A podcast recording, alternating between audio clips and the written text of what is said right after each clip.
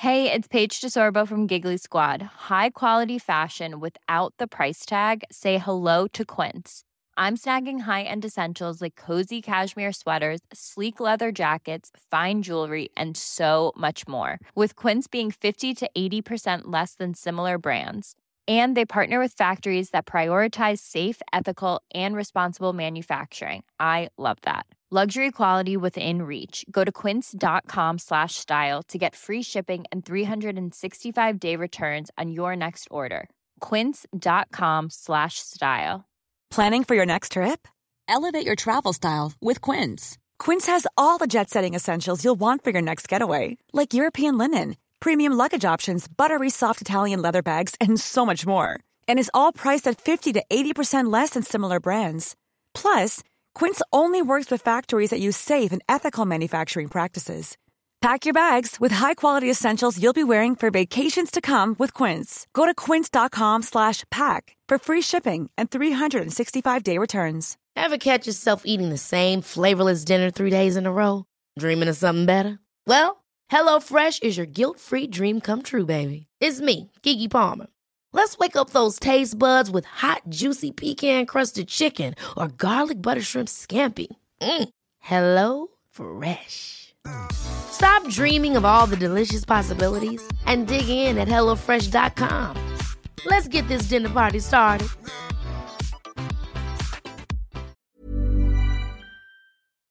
Ja, hallå där! Det var Glenn här och Gött Enna-podden. Välkomna! Idag har vi en eh, speciell gubbe som är eh, aktuell just nu, men en ny... Vad ska man säga? Show? Kallar man det det, eller gör man? Ja, jag vet inte vad man kallar det egentligen. Det, det är någon slags eh, föreställning, krogshow, eh, to- storytelling, någonting där i den sidan. Ja, okej. Det är eh, ingen mindre än Stefan Andersson. Underbart! Oh. hit med... God göteborgare också. Jag applåderar mig själv så det låter som det är fler här. ja, tack för att jag fick komma hit till, till den eh, väldigt vackra studion. Välkommen, välkommen. Tack. Ja, det är ett köksbord helt enkelt. Det är ett köksbord. Lyssnarna vet säkert om hur det ser ut här. Nej. Jag vet inte, jag tror aldrig de har sett det någon gång. Utan det är, men de känner nog att det inte är något märkvärdigt i alla fall när man tjatar. Nej, vi brukar sätta upp filtar och såna grejer ibland just för att det inte ska eka lite sånt där. Ja. Men eh, vi skiter i det helt enkelt. Ja, Ja, nej, men man känner sig väldigt, det är väldigt hemtrevligt i alla fall. vad trevligt. Ja. Men innan vi börjar med dig Stefan, så här brukar jag säga ganska ofta nu Glenn. Eh, så ska vi ta lite grejer. Ja. Eh, det är ju så här, Glenn är nyförlovad. Wow! Ja, det är också är en en applåd faktiskt. Grattis Glenn! Tack för det, tack ska du ha. Men eh, det har ju cirkulerat lite grann Glenn att det är lite st- konstigt det där med datumen och sånt där. Att, eh, jag tror det var GT som hade någonting att det var lite snurrigt. Ja, det, det har varit lite snurrigt för de som inte fattar.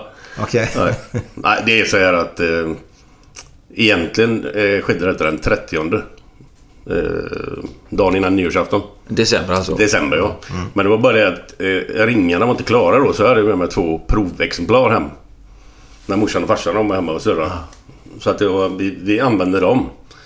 Liksom bara så här som man såg lite hur det gick till om man säger så. Så 30 är egentligen det riktiga datumet. Men sen gjorde vi det officiellt ordentligt. Med riktiga ringar och grejer för, vad är det nu, en vecka sedan?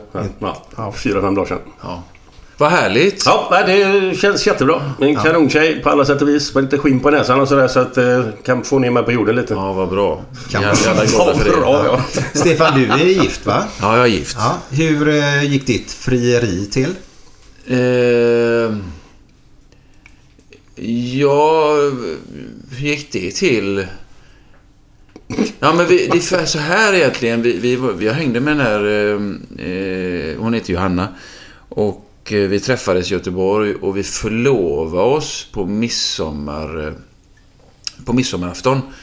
Eh, ganska exakt tio år senare så gifte vi oss. Och det var mer en sån här diskussion vid kaffet. Är det inte dags att vi gifter oss? Så det var tyvärr inte så romantiskt frieriet. Men däremot var förlovningen då den stora grejen för oss. Så det kan du ha i tankarna Glenn, att det behöver inte vara så värst.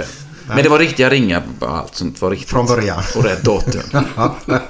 Det kan vara lite svårt det där annars faktiskt.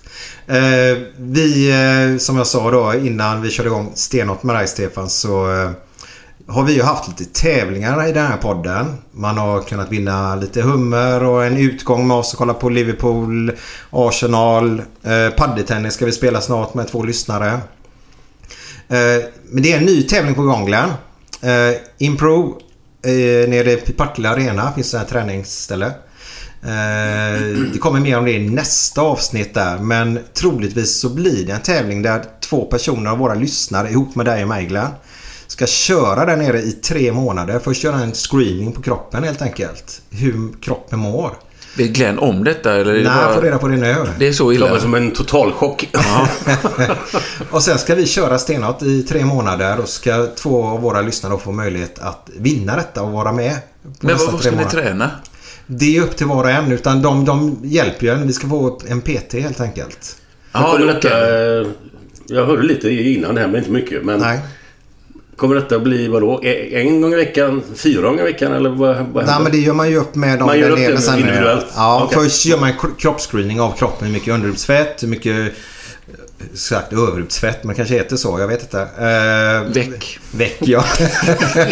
och eh, de väcken blir mer och mer tyvärr ju äldre man blir på något konstigt sätt. Eh, så vi eh, ska helt enkelt eh, få hjälp av dem att göra en eh, livsstilsförändring kan man kalla det. Kan man inte göra så? Absolut. Vil- Vilken fantastisk grej. Ja. Ehm, nu på våren också. Ja, men det är helt underbart. Så det får ni hålla lite koll på där faktiskt. Eh, Sen är det ju alltid... Man har ju snackat om detta i alla år så länge man... Ja, efter man har ju slutat aktivt. Så har man sagt ja nu jävlar. För det är ju lätt att lägga på sig lite grann. Att man ska börja ta tag i det där men det händer ju aldrig något. Nej, Det kan, det kan ju vara en jättebra grej att man får det serverat på silverfat så här. ja, jobbet får man göra själv då, men man, jo, jo, men, man alltså får att man bara göra... tar tag i det och börja med någonting. Plus att det är någon som håller koll på en. Mm. Och det är det jag tror är det viktiga lite grann. Att vara duktig inför någon också. På något sätt. Men du ser väldigt, väldigt fit ut faktiskt Stefan. Ja, tack snälla. Jag försöker eh, träna lite grann. Så gott det går. Så det gör jag, men det var väldigt vänliga ord. Nej men du, du ser vänliga. Ja, jäm... du sagt nu?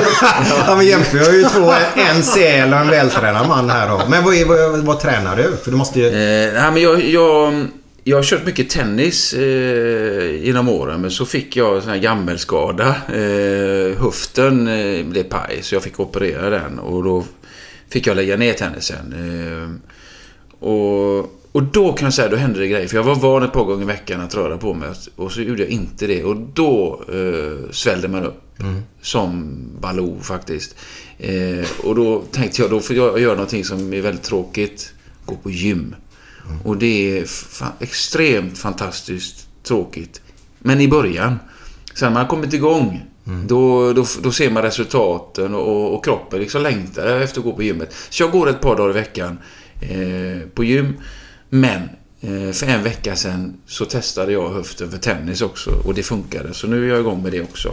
Mm. Jag har även sett dig faktiskt i paddellokalerna har jag gjort. Ja, det är roligt. Eh, Padeltennis är fantastiskt roligt. Det är inte så slitsamt heller för kroppen. Är, ja, ni som inte har provat det, ni måste göra det för att det är en... eh, Ja, den är väldigt kort inlärningskurva. Tennis är mycket svårare att bemästra, men padel kan alla göra. Och så är det mycket garv och så är man samlade på ganska, lit, eh, ganska liten yta. Alltså det, det är väldigt socialt kul. Mm, det.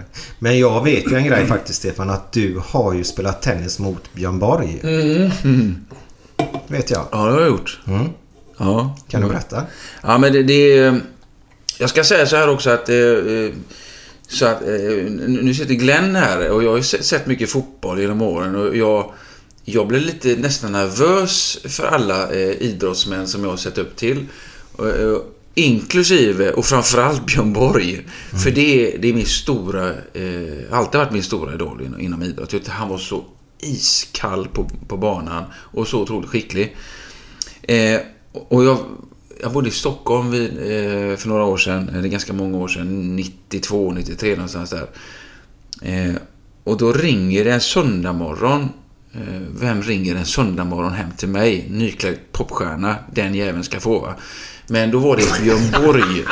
Ringde han direkt? Ja, eh, och jag var ganska sur. Jag eh, svarade. Ja, det är Stefan. Ja, tjena, det är Björn. Björn Borg. Eh, Så jag fick ju frågade vad han ville då. Och då hade han, då var han festarrangör för Stockholm Open. Den här t- eh, tävlingen för eh, alla världens tennisspelare. Eh, och så frågade han om jag ville vara med och spela på den här festen då. Och det är klart att jag som älskar idrott och älskar tennisstjärnor, jag gör det gratis. Men så frågade han då vad jag skulle ha för det. Då visste jag ungefär summan jag brukar ta för de här eh, grejerna. Så jag tänkte säga det. Men så ändrade jag samma stund som jag sa det. Jo, jag tar en match mot dig. Hörde jag mig själv säga. Och så garvade han då. Och så sa ja men det går väl att lösa liksom. Ja, nej, jag kan imorgon, sa han. Nej, nej, nej. Om tre månader. Och ingen tresättare, en femsättare ska vi ha. Och Sa han det eller du? Ja, jag sa det. Ja, du sa det. Jag ska vara femsättare. Så, och jag, jag kämpade och jag tränade och jag gjorde allt. Jag var ute och löpte och gymtränade och simma. Så jag var ju Stålmannen när jag mötte Björn Borg där. Och det var precis, eh, precis efter han gjorde ett eh, ganska misslyckat försök att komma tillbaka i Monaco tror jag Ja, han spelade. med trärack. Med träracket. Ja. Så han hade sållat om och nu skulle han ha vanligt grafitrack sådär liksom. Så han, han var ju shape killen den här gången. Aha. Eh, så jag fick verkligen slita. Eh, men jag tog ett game mot, eh, mot Björn Borg. Oj, oj, oj. Ja. Det var inte illa faktiskt. Nej. Och det, det var min, mitt bästa gage någonsin. Så det var 6-0, 6-0, 6-1. Mm, Precis så. Men det är starkt. Jag tar ett game. Alltså, då har han precis lagt ner det. Jag har inte lagt ner det kanske riktigt men det är ju löjligt bra gjort. Ja, men man ska det- inte vara i närheten. Men, men sen så satt vi efteråt och bara eh, en, en stund så var- jag tänkte jag han kanske gav mig det gamet. Han kanske bara gjorde sig till för att vara snäll. Så jag frågade han ändå, du, du måste vara ärlig nu. Vann jag det gamet eller gjorde du det till? Nej, nej, du vann det gamet. Jag har det som idrottsman, sa han, att jag, gör, jag ger aldrig upp. Okej. Jag ger aldrig upp, det är min grej liksom. Så att du vann det gamet. Så jag är väldigt, väldigt stolt och glad över den här. Ja, det ska du vara faktiskt. Häftigt. Ja. Vilken jävla grej. ja. Björn Borg. Ja, det är inte så många som har mött honom. Nej. Eller hur? Nej, nej, nej, nej, Nej, nej, nej. Men det är imponerande. Ja. Men Stefan, kan inte du innan vi går tillbaka i tiden. eh, Kan inte du berätta lite hur, hur ditt liv ser ut här idag? Eh, Du, för du har ju precis börjat med en show här som Glenn sa. Eh, Made Ja. in China heter den va? Precis, Made in China. Det är, det är en föreställning som handlar om det svenska Ostindiska kompaniet. Ehm, och, och, och det är alltså Sveriges mest framgångsrika företag någonsin. Eh, det här företaget drog in så enorma astronomiska pengar eh, till Sverige under, under 1700-talet kan vi säga. Och eh, de där resorna som de gjorde, det har alltid fascinerat mig. Jag, jag kommer ihåg lektioner vi hade i grundskolan. när eh, eh historiefröken berättade om det Ostindiska kompaniet och kan ni tänka er ungar, här kommer skeppen hem från Kina och så lastar de te och, och, och, och saffran och grejer på kajerna. Alltså det är dofter som ingen har känt innan som sprider sig där. Så hon fick mig verkligen att, att känna med, med, eh, med den där tiden och den historiken. Och, och det har blivit en föreställning eh, som handlar specifikt om skeppet Göteborg som 1743 lägger ut från Göteborg och kommer tillbaks 1745. Och då finns det en dagbok bevarad från den här tiden. Det är alltså skeppsprästen Peter Holmertz som har skrivit en dagbok ombord på skeppet. Så där kan man då läsa vilka som fanns ombord och vad som hände under den här seglatsen. Och baserat på det då så kunde jag göra den här historiska föreställningen. Mm. Men du har du alltid varit intresserad av sådana grejer? Det är ju inte bara den föreställningen. Det är ju massa annat här med Tordenskjöld. Jag läste någonting en gång med en Ja. amiral, någon dansk. Ja, det, Det har det blivit någon show av eller någon föreställning av eller? eller ja han, är, han är med i en av föreställningarna i alla fall. Han, han är faktiskt med i den här också. Okej. Ja, eh, nej men historia, jag har eh, alltid eh, fascinerats av historia. Jag tyckte det var spännande och ganska svårt att förstå. För, för jag har haft en känsla, fortfarande kan ha, ha en känsla att de där människorna som fanns för 300 år sedan, det var inga riktiga människor. Nej, nej. Alltså jag har en sån här svartvit bild av dem där de går lite för Snabbt. Ja. Och så är de inte helt med i huvudet heller, eh, de här människorna. Eh, och så det blir ett slags försök för mig att, att, att känna den här hi- historiken. Men jag har alltid haft eh, fascinerad av, av historia. Men egentligen aldrig gjort kopplingen att jag skulle kunna göra musik Nej. eh, av, av historia. Men det måste ju vara svårt. Eller? Ja, det... det Och få ihop det liksom med historiken liksom, och så musik till det. Så, ja, men, men det... Om, om man säger så, om du skulle göra en platta om dig själv Glenn. Eh, vilket de flesta artister gör. De gör en platta om sig själv och det de känner och det de betraktar och upplever så här. Ja, det är svårt nog. Eh, och, och, och hitta till sig själv och man kan hitta rätt uttryck och så vidare. Här har jag en fördel av att det är någon annan som har varit med om någonting. Så kan jag titta utifrån eh, på en person eller en händelse. Eh, läsa på. Skulle du sagt det? Har du läst på mycket? Väldigt, väldigt mycket. Mycket jobb med det. Men sen är det lite enklare dramaturgiskt att få ihop det. Eh, skeppet Göteborg, hur ska man göra det dramaturgiskt? Jo, vi börjar när skeppet lägger ut. Och när skeppet kommer hem, där går vi i mål. Okej, vad händer däremellan? Ja, de var nog i Kina mittemellan. Då vet vi det var i mitten. Och så kan man lägga ett pussel där. Och sen kan man då eh, läsa på om varje individ och så vidare. Så att det, det krävs mycket jobb. Och det är svårt, visst är det svårt. Men, eh, men väldigt, eh, väldigt, väldigt roligt. Bara en fråga den. Du sa 43 var va? Den drog iväg. 45 kom de hem. Var det första resan det eller när? För jag bara tänker, vem får för sig att nu drar vi till Kina och köper lite eh, te? Nej, det, det var så det hade gjorts... Sverige var ganska sena med att eh, fatta det här med det ostindiska. Eh, Det fanns kompanier från eh, exempelvis Holland och England som var tidigare då. Men, men så vi gjorde några försök. Några ville starta det här kompaniet tidigare i Sverige. Men det fick de inte eh, lov till. Men så fick vi ett par tunga intressenter. Salgren var en av dem eh, som eh, hade pengar. Han ville satsa stort på detta. Och fick de med sig eh, staten på att okej, eh, ni får lov att göra detta. Ni har en monopol på det under en oktroj. Eller viss tid. Okej. Och så fick de även lov att bränna alla papper. Hur mycket pengar de tjänade. Så det, det var en mycket märklig tid. Och då brände de upp alla kvitton Ja, typ då? de, kompaniet brände. De hade lov att bränna allt som rörde handeln. Liksom, så att, eh, det var deras krav mot staten. Och då kände väl staten, okej, vi, vi kan inte säga till, säga någonting om detta. Utan ni gör så. Det är mycket, mycket märkligt. Ja, Det jätteskumt. måste ju tagit ett tag för dem att komma ner från Sverige till Kina med båt. Ja, eh, vi har ju byggt upp det här skeppet nu då, Ja, då igen. ja, ja. Eh, och på den tiden fanns det ingen motor på skeppet. Eh, de gick för vind. Eh, normalt för ett, ett av kompaniets skepp, då tar resan ett och ett halvt år. Men skeppet Göteborg tog två och ett halvt år. För det hade, de, de kom iväg för sent från Göteborg så de missade de här vindarna som skulle ta dem till Kina. Så att de, de, de hade misär. Det var många som dog där ute till havs så det blåste ingenting.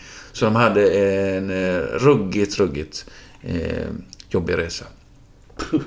Så vilka häftiga människor egentligen bara får för sig att nu drar vi ut. Ja, jag funderar på det, vilken typ av människa det är som, som gör en sån sak. Alltså, någon som vill ha pengar, okej. Det kan man ju förstå som behöver brödföda. Men också någon slags kicksökare tror jag kan... eh, Jag menar, komma hem och berätta att man varit i Kina på den tiden. Vem, har- vem har gjort det liksom? Det var säkert ett äventyr. Men livsfarligt. 15-20% av sjömännen kom aldrig tillbaks efter de här resorna. De, eh, de dukar under där. Vet, vet, vet du hur själva Göteborg såg ut på den tiden? Har du koll på det? Staden Göteborg? Ja, ja staden. Ja, jag har ju läst mycket om eh, Göteborgs his- historik. Den har ju växt fram liksom. Eh, vi, vi, grundade Göteborg som en fästning, ganska liten. Sen hade vi ju... Ja, man ser ju det vid Rosenlund. Där ser man ju faktiskt de första murarna där va? Ja, precis. Corallus Rex där. Är det så? eh, tänker du på det? Ja, den höga muren. Ja. Ja, och så byggde vi vallgravar och murar och Skansen Kronan, Skansen Lejonet och, och det var that's it på den tiden. Och sen har ju staden brett ut sig och till och med Partille finns. Till och med Partille finns ju. Men du, vi har glömt en grej Glenn. Vadå? Nivåsättning, tack. Då två killar som stod och pratade med varandra och då säger den ene Fan, jag har en katt som spelar schack. Jag har en katt, han spelar schack. Jaha, det måste vara en jävla intelligent katt eller?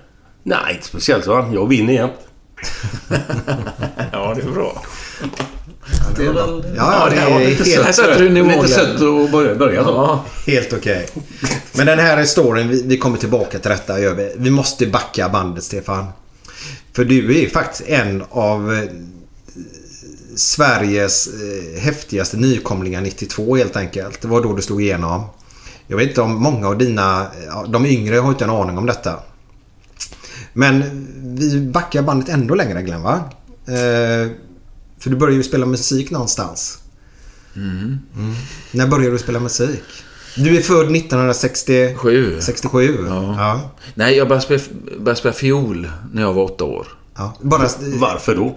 Det kan man verkligen fråga sig, för det är ett hemskt, hemskt instrument. Nej, Agge kan inte säga att det är hemskt, men det måste låta för jävligt när man Ja, ja, tränar det är ju och det inte kan det spela. Det är precis det jag menar. Det är, ett- det är ett hemskt instrument va? Och lära sig. Eh, och det här, det här är en sann historia. När, när eh, en, jag hade en bekant som var hemma hos oss som hette, han hette Rustan Ljunglöf. Den där, eh, han var äldre. Jag tyckte han var jättegammal. Han var säkert bara 45 år då. Men han var jättegammal i min värld. Och så såg han att jag trummade på köksbordet och sa att du är musikalisk. Vill du börja spela fiol för mig?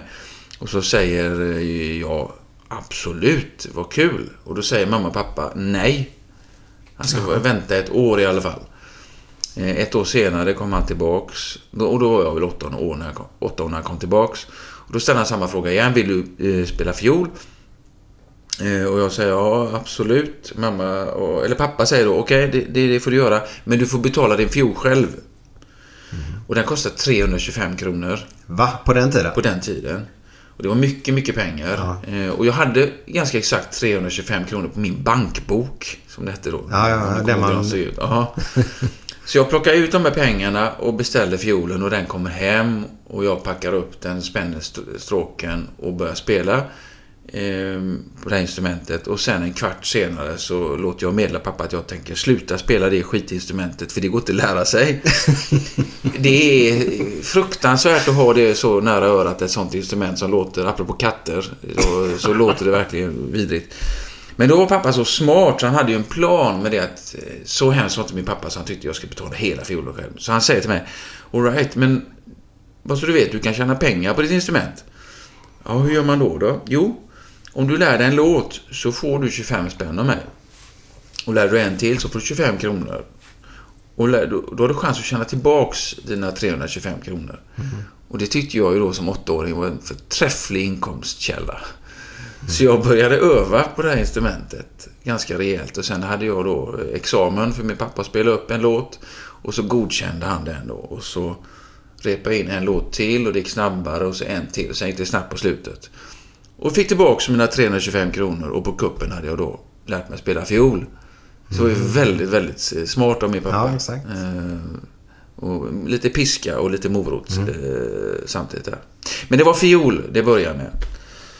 Och eh, det är väl ingen skröna att det, det är inte så hippt eh, när man går i låg och mellanstadie och går omkring med en fiol under armen. Det inte, ja, jag var inte så stark i alla fall så jag tyckte att det var hippt. Nej, blev du mobbad för det? Nej, det blev jag nog inte. Det, det kan jag inte påstå på något sätt att jag blev. Men, men hade jag haft en gitarr så hade någon kanske sagt vad kul. Ja, det sa de aldrig om fiolen. Men hade du ingen som hjälpte dig överhuvudtaget?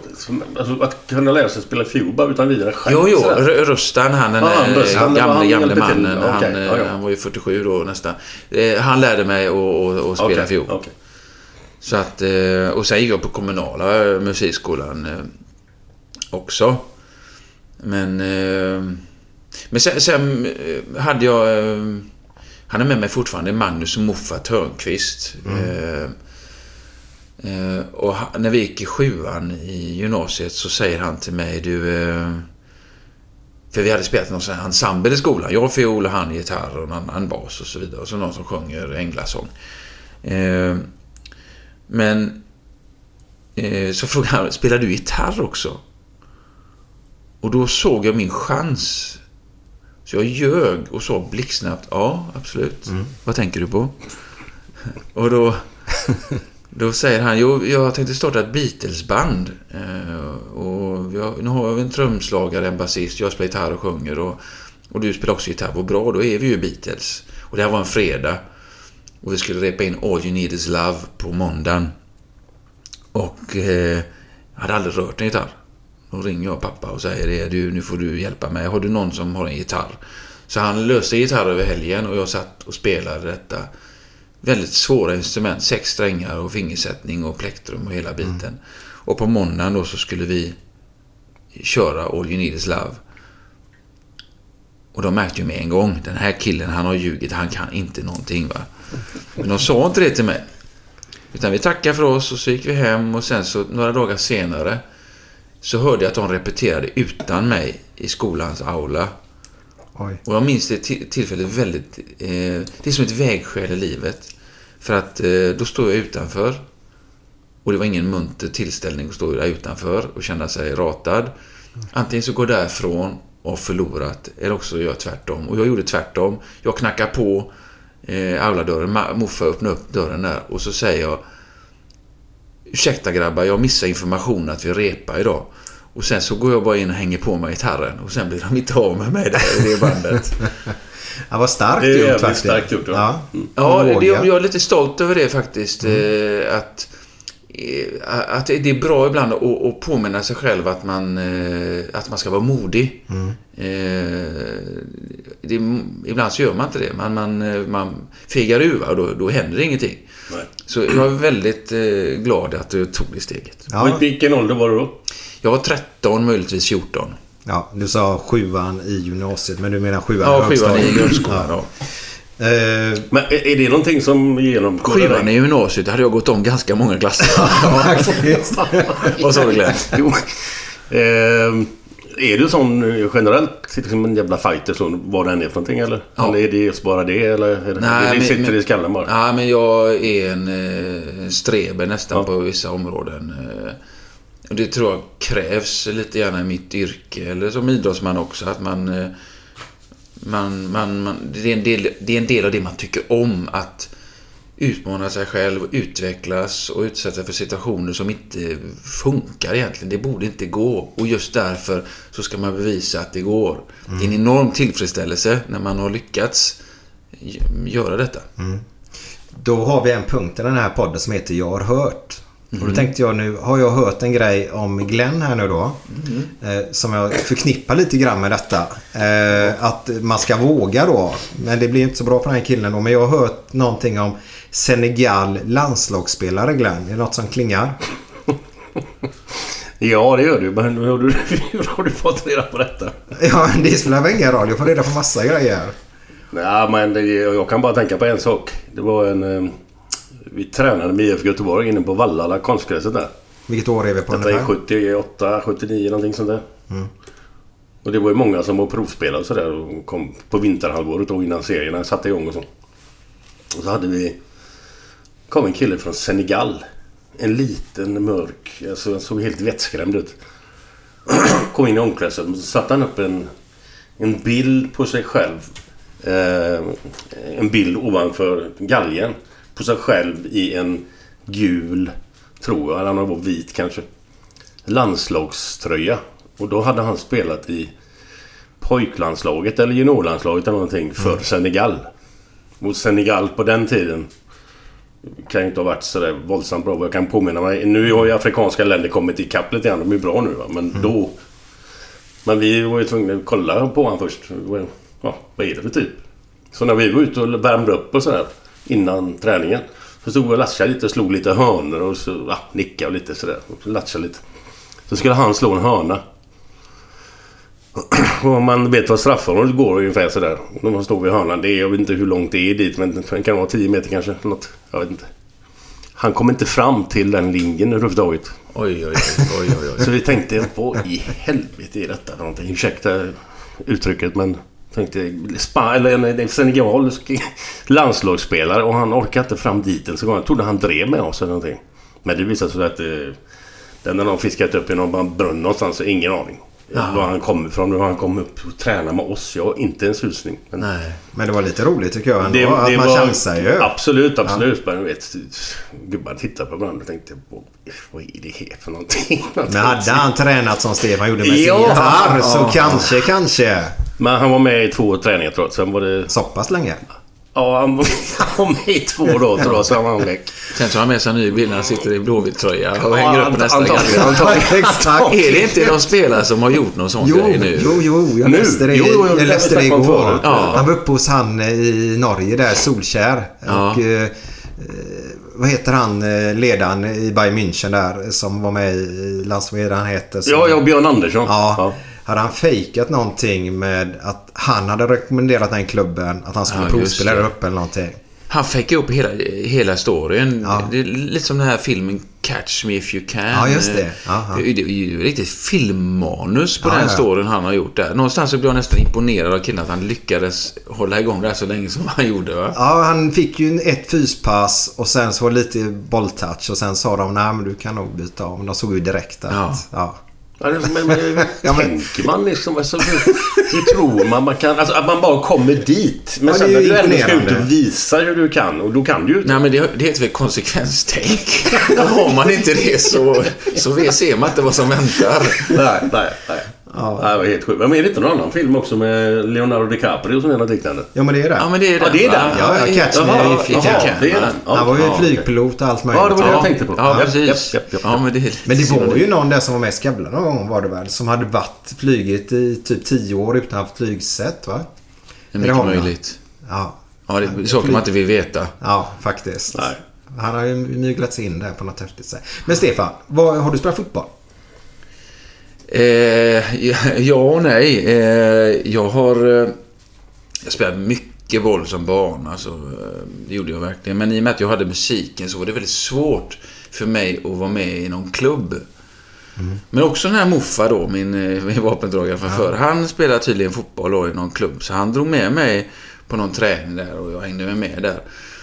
Eh, och de tyckte att jag var ett ämne i den här klubben då. Eh, och sa att du är välkommen att spela match med oss nästa gång. Och det gjorde jag.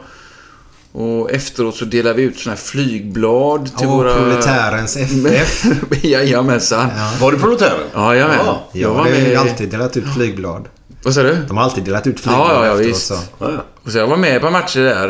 Eh, eh, och sen så kom jag hem och säger min pappa spelar med proletärer. Vet att de har i sitt manifest att de, de är beredda att ta över makten med vapen. Säger han till mig så här liksom. Jag tycker inte du ska vara med i den klubben. Du kan ta någon annan klubb. Ja, men så jag, jag slutade i alla fall. Jag hade inte tid ändå riktigt. Nej. Men det är min, min fotbollskarriär. Två matcher med proletärernas FF. Du är uppvuxen i det Rubingatan eller? Ja, stämmer. Eh, Jag har ju spelat fotboll med din bror Pierre. Eh, I Laggården. I Laggon ja. Underbara Laggon. Eh, vi hade Robert Bergkrot här nyligen. Robert Bengtsson. Ja, Han just var ju det. uppvuxen på Palen där va? Var det, Eh, ja, just det. det är ju bara ett Precis. stenkast ner från er där uppe om man säger. Ja, stämmer. Och det är någon du kände till eller? Eh, ja, han är nog ett år äldre än mig tror jag. Eh, Jag tror han är 66. ett år yngre. Ja, han 68 kanske till och med. Ja, det Ja. är möjligt. Ja, men hur så? Det var liksom ganska eh, täta vattenskott mellan en, en, eh, en som gick i sjuan eller en som gick i åttan. Ja, det var så, ja. ja. Ja. Så vi, jag hängde aldrig med sådana som var yngre. Absolut inte. Och med de som var äldre fick man ju inte umgås med. Nej, nej. Så det, han hamnade i någon av de kategorierna skulle jag vilja Ja. säga. Men du är uppvuxen där i alla fall på härliga Ja, Rubingatan. ja, det var fantastiskt. Eh, Älskar min uppväxt där ute med, med alla ungarna. Alltså, nu, nu bor jag i ett hus och jag kan säga att jag hade lite ångest när jag skulle, alltså separat hus. För jag, jag var så van vid att bo på en gård, ha en egen svale och, och bara kunna eh, gå ut på gården och, och vissla och se om det är några som vaknar till och så eh, nu är det boll på gång. Ja, exakt. Eh, och när jag fick barn själv då tänkte jag hur ska han fungera och växa upp i ett separat hus? Men, men man, man blir ju som man man blir som man bor eller Ja, som man, exakt. den upplevelse man har den blir ju eh, på riktigt. Alltså jag älskade min, eh, min uppväxt på, eh, i Frölunda på Rubingatan. Vad, vad spelar du någonstans? På Rudalen då eller? Eller vad spelar ni matcherna någonstans? Med proletärer? Nej, det var en grusplan där nere på Kannebäck, Väl. Ja, Kannebäck heter det, just det. Nere vid Näset, du vet, åker Näsetvägen bort där. Jaha, neråt där? Ja, grusplan har du väl aldrig spelat på? Jo, jo, jo, jo, jo, herregud. Nej, det var, det var asfalt det var. Nej, det är lite synd. Alla, alla grusplaner försvinner ju då. Herregud, jag växte upp på grus. Ja. Herregud, det fanns inget annat. Nej, jag, jag vet Det är inte. helt sjukt. Ja. Helt sanslöst. Men man har ju inte, man har inget att välja på. Man tänkte inte på det. Nej, inte ett skit. Nej. Men så fort de kom utanför stan så var det gräs överallt. Ja, Men inte i Göteborg. nej, nej. Precis. Inte för småklubbarna i alla fall. Nu är konstgräs den stora grejen för många planer också. Så är det. Så är det. Eh, Men du har inte testat någon annan sport och så eller? Bordtennis, handboll, eh, hockey? Eller vad som helst. Mm, nej, jag, jag har fuskat lite inom alla eh, idrotter egentligen. Jag har, jag har spelat lite pingis, squash, tennis, badminton. Eh, you name it. Jag har nog varit och nosat på alla sporter som finns. Så jag är liksom så här semi-bra på allting, men inte riktigt bra på något. Ja, men det var bollkänsla helt enkelt. Ja, det hoppas jag. Jag tror allt. Men eh, om vi går vidare sen. Eh, Pierre, min bror, han har ju ingen bollkänsla. jag tycker han är jätteduktig. Nej. Jo, det har han. Okej då. Han är duktig på allt han gör. Ja, det är han. Faktiskt. Men du har lillebror också. To ja, Pierre är din lillebror naturligtvis. Men eh, Tobias var den hette va? Tobias, ja. Eh, han bor i Stockholm. eh, och han har börjat med något som heter racketlon. Vad hette det sa du? Racketlon. Jag körde också det förut. Alltså när du spelar alla de här fyra racketsporterna. Man möter en och samma motståndare. Först i pingis. Jaha. Så lite större plan. Det blir badminton. Och sen ökar du till squashplan. Och sen är det tennis. Så möter man samma motståndare Ja. då. Och så räknar man ihop det sen Ja. samma matchen då. Ja. Men du är under samma dag alltså? Eller?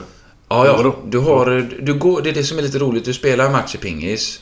Eh, sen ska du då ställa om hjärnan till badmintonboll. Och då har du bara en halv minut eller någonting på det. Eller en minut. Och sen till squashbollen som man ska värma upp i och för sig. Så det, man, det blir ett annat... Eh, ja, ett annat sätt att hantera sin bollkänsla. Man måste snabbt på med på någonting nytt. Aldrig talas om faktiskt. Nej, det är skitkul. Jag höll på med det Men lite då får man vara på ställen som har riktigt, som är riktiga anläggningar med allting då. Ja, här ute är det väl Alelyckan Alelyckan, som har det. Ah, okej. Ja. har den grejen. Men sen har jag en lillebror till. Som, eh, din, min, min halvbror Niklas, han spelar fotboll nu eh, i Halmia. I Halmia, okej. Ja. Så han, eh, han står för eh, ja, det idrottsliga i min eh, familj i alla fall. Och som spelar i en klubb och Ja, satsar och sådär. Men dina, förlåt? Halmia sa jag bara. Ja, men dina föräldrar, är, är, de, är det musik? Eller är det idrott? Eller vad, hur var de när de var yngre? Liksom? Nej, ehm, mamma, jag, jag vet inte alltså om hon har bollkänsla. Hon har sagt att hon studsade med tre bollar mot en vägg när hon växte upp. Eh, Det var det de gjorde på Ja, skolgården. alla, alla föräldrar har sagt Ja, det. Och så hon- snurrade de runt ett varv och tog emot dem Ja, ibland hon var kanske. tydligen väldigt bra på det, min mamma. Men jag har aldrig sett det. Och min pappa, han lever inte idag, men han berättar att han var um, väldigt snabb. Eh, han var väl eh, ingen riktig bollkänsla så kanske, vad han själv sa. Men han, han, han höll inte- på med det så mycket. Men han var tydligen snabb då. Så då eh, kanske jag valde snabbheten, eller ärvde snabbheten från min pappa. Och bollkänslan från min bollstudsande mamma. Vem vet? Vem vet, vem vet. Ja.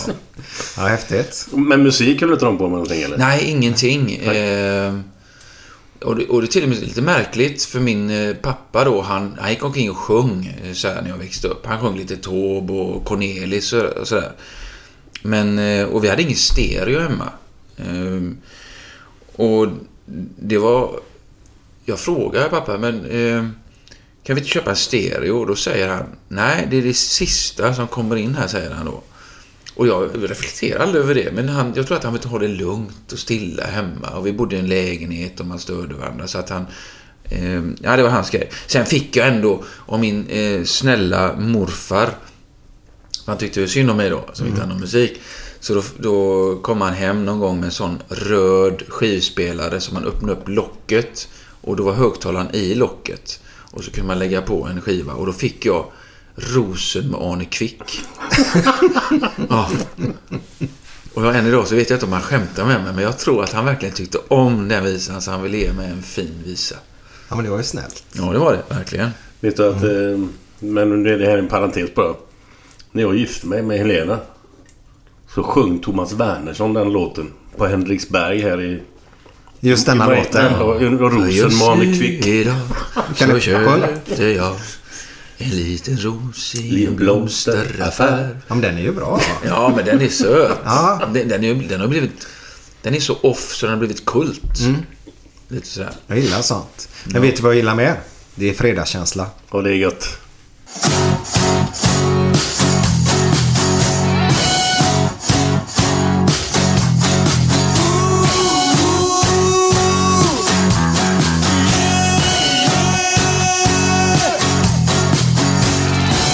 Måndag morgon, inte bra.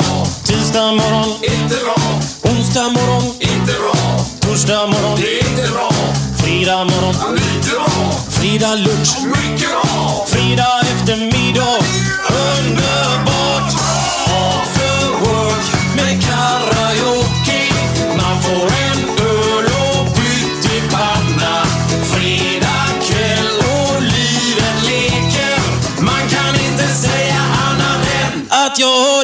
Det nu!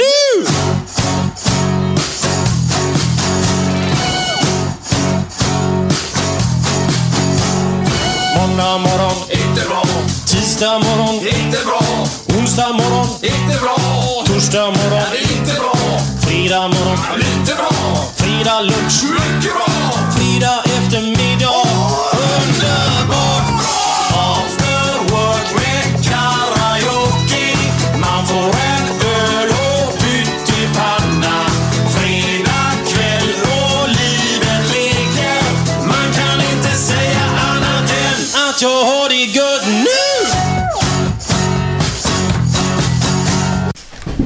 Sådär, ja var vi tillbaka igen då. Med lite en eh, skön... eh, Vilka var det som sjöng Glenn förresten? Vilka vet jag inte om man kan säga, men vem? Ja, vem då? Det var Björn Rosenström med eh, After Work. Mm. Som är en väldigt skön låt så här. Lite fredagskänsla Ja, så. direkt att det... Man mysa till det lite. Mm. Och Glenn och Stefan och jag är nu då. Maja är vår tekniker idag. Hon tar ingenting. Men vi har fått lite mat nu Stefan. Vad har vi fått för något? Jag har fått um, sushi i olika former. Mm. Du berättade här precis vad det var. Det var någon med chili. Jag ska nog prova sån med chili här. Ja, den är Bedöma jättegod. Räkor är det också. Räkor i ja, chili. Mm. Det låter gott. Kan bli lite tråkig podd kanske, men det är väldigt gott. Det kan bli en tråkig podd. Nej då. Det blir bara bättre. Går, Men, men, eh, går loss på det. Stefan, är du en riktig så här eh, sushiätare eller? Nej, det kan jag inte påstå. ehm, Men jag käkar ju sushi. ehm. Det händer nog någon gång i månaden i alla fall som att jag käkar sushi. Men det var en tid när det kom till Sverige. Jag har för mig att det här var ja, 94, 95 när de första eh, restaurangerna började dyka upp så här. Man var ju tvungen att prova det. Och jag minns första gången jag, jag provade och jag tyckte det var så vidrigt. va. Eh, enormt vidrigt hur en människa kunde på något sätt trycka ner sån skit i sig. Men så gick det några dagar och så kom jag på mig själv att tänka på sushi, att den här smaken vill jag gärna prova igen. Alltså det är lite äckelgott. Ja, exakt. Eh, och eh, sen fäste det på mig så käkade jag mycket sushi. Men nu har det lagt sig den, eh, den, den, den riktiga kärleken så. Någon gång i månaden. Det är väldigt gott. Men vi är ute efter lite fredagskänsla då.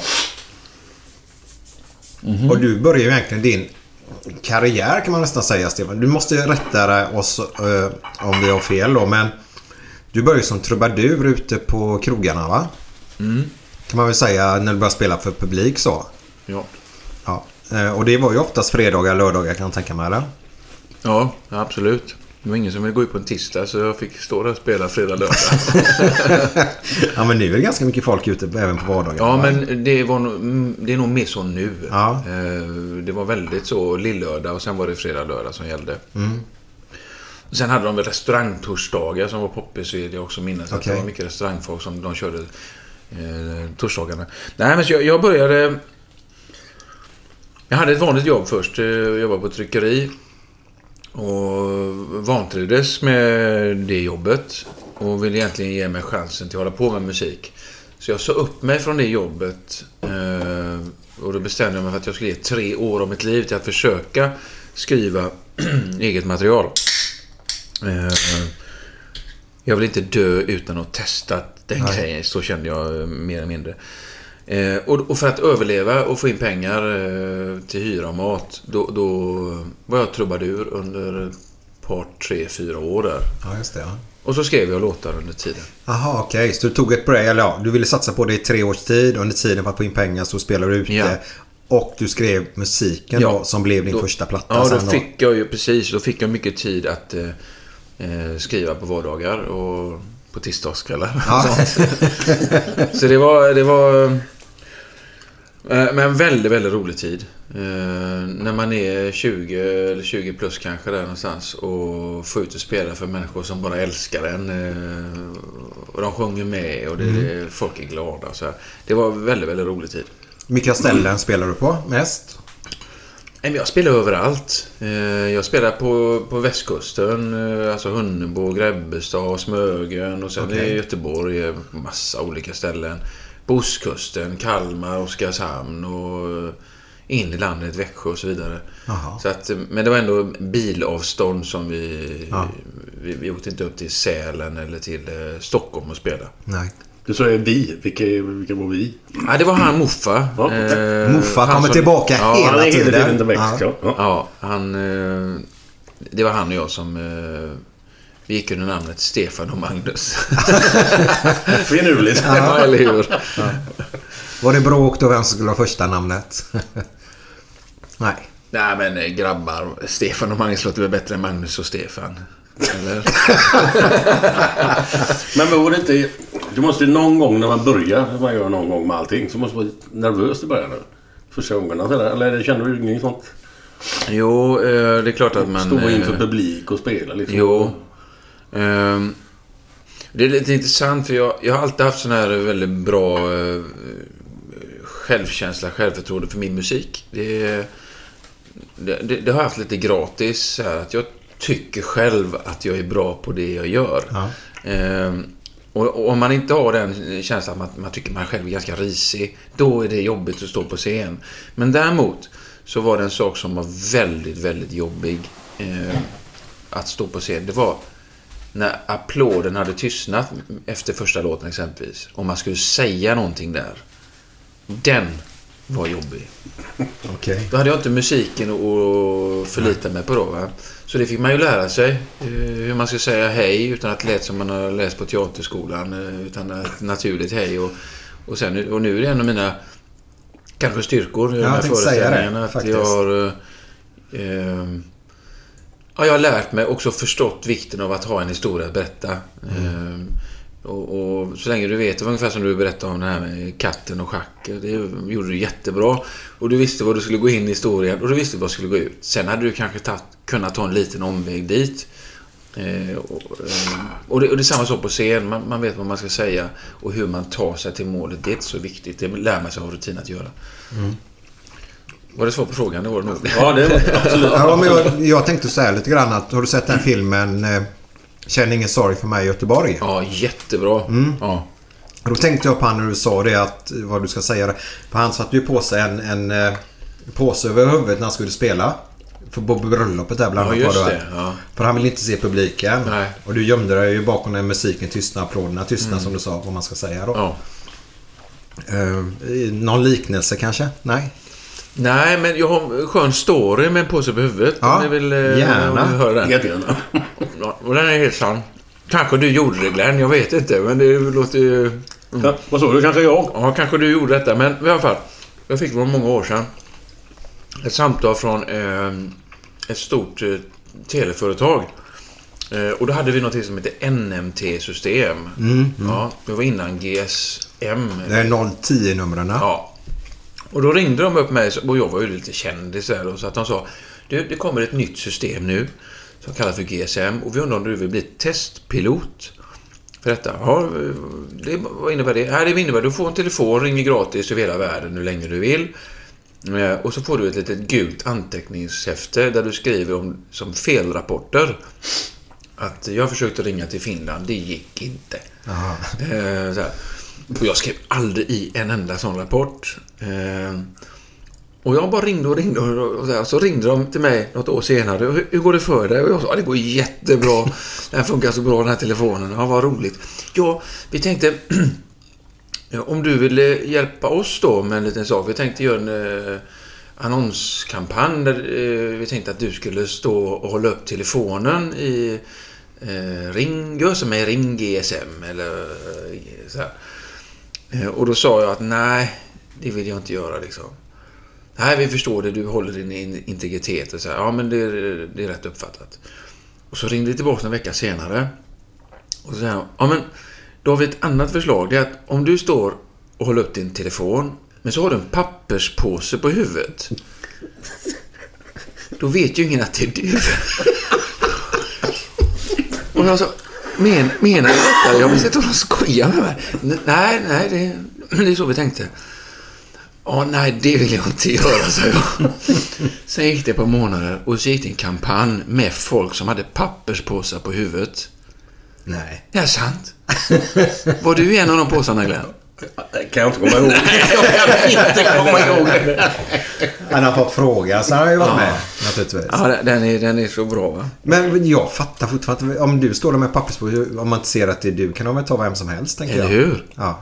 Eller hur? Men det var någon smart sån här, eh, vad heter han? Som gör reklam. De skulle känna igen rösten. Ja, men då- men det blir ju inte samma innan. Det är en bild bara ju. Jag tror det, det var ingen... eh, Var man en bild bara? Ja, en bild gör som mig. Ring eh, nya systemet och så stor papperspåse, som fruktpåse, pappershandels, ja, frukthandelspåse. Ja, nej, så det blev inget med det. Underbart. Men Stefan. Du, vi, vi hoppar fram till 92 faktiskt. Du släpper en LP som det heter på den här tiden. Som eh, blir ett genomslag utan dess like faktiskt här i Sverige. Eh, och jag tror att jag har läst någonstans att du har sålt över 700 000 exemplar. Nej, 170 000.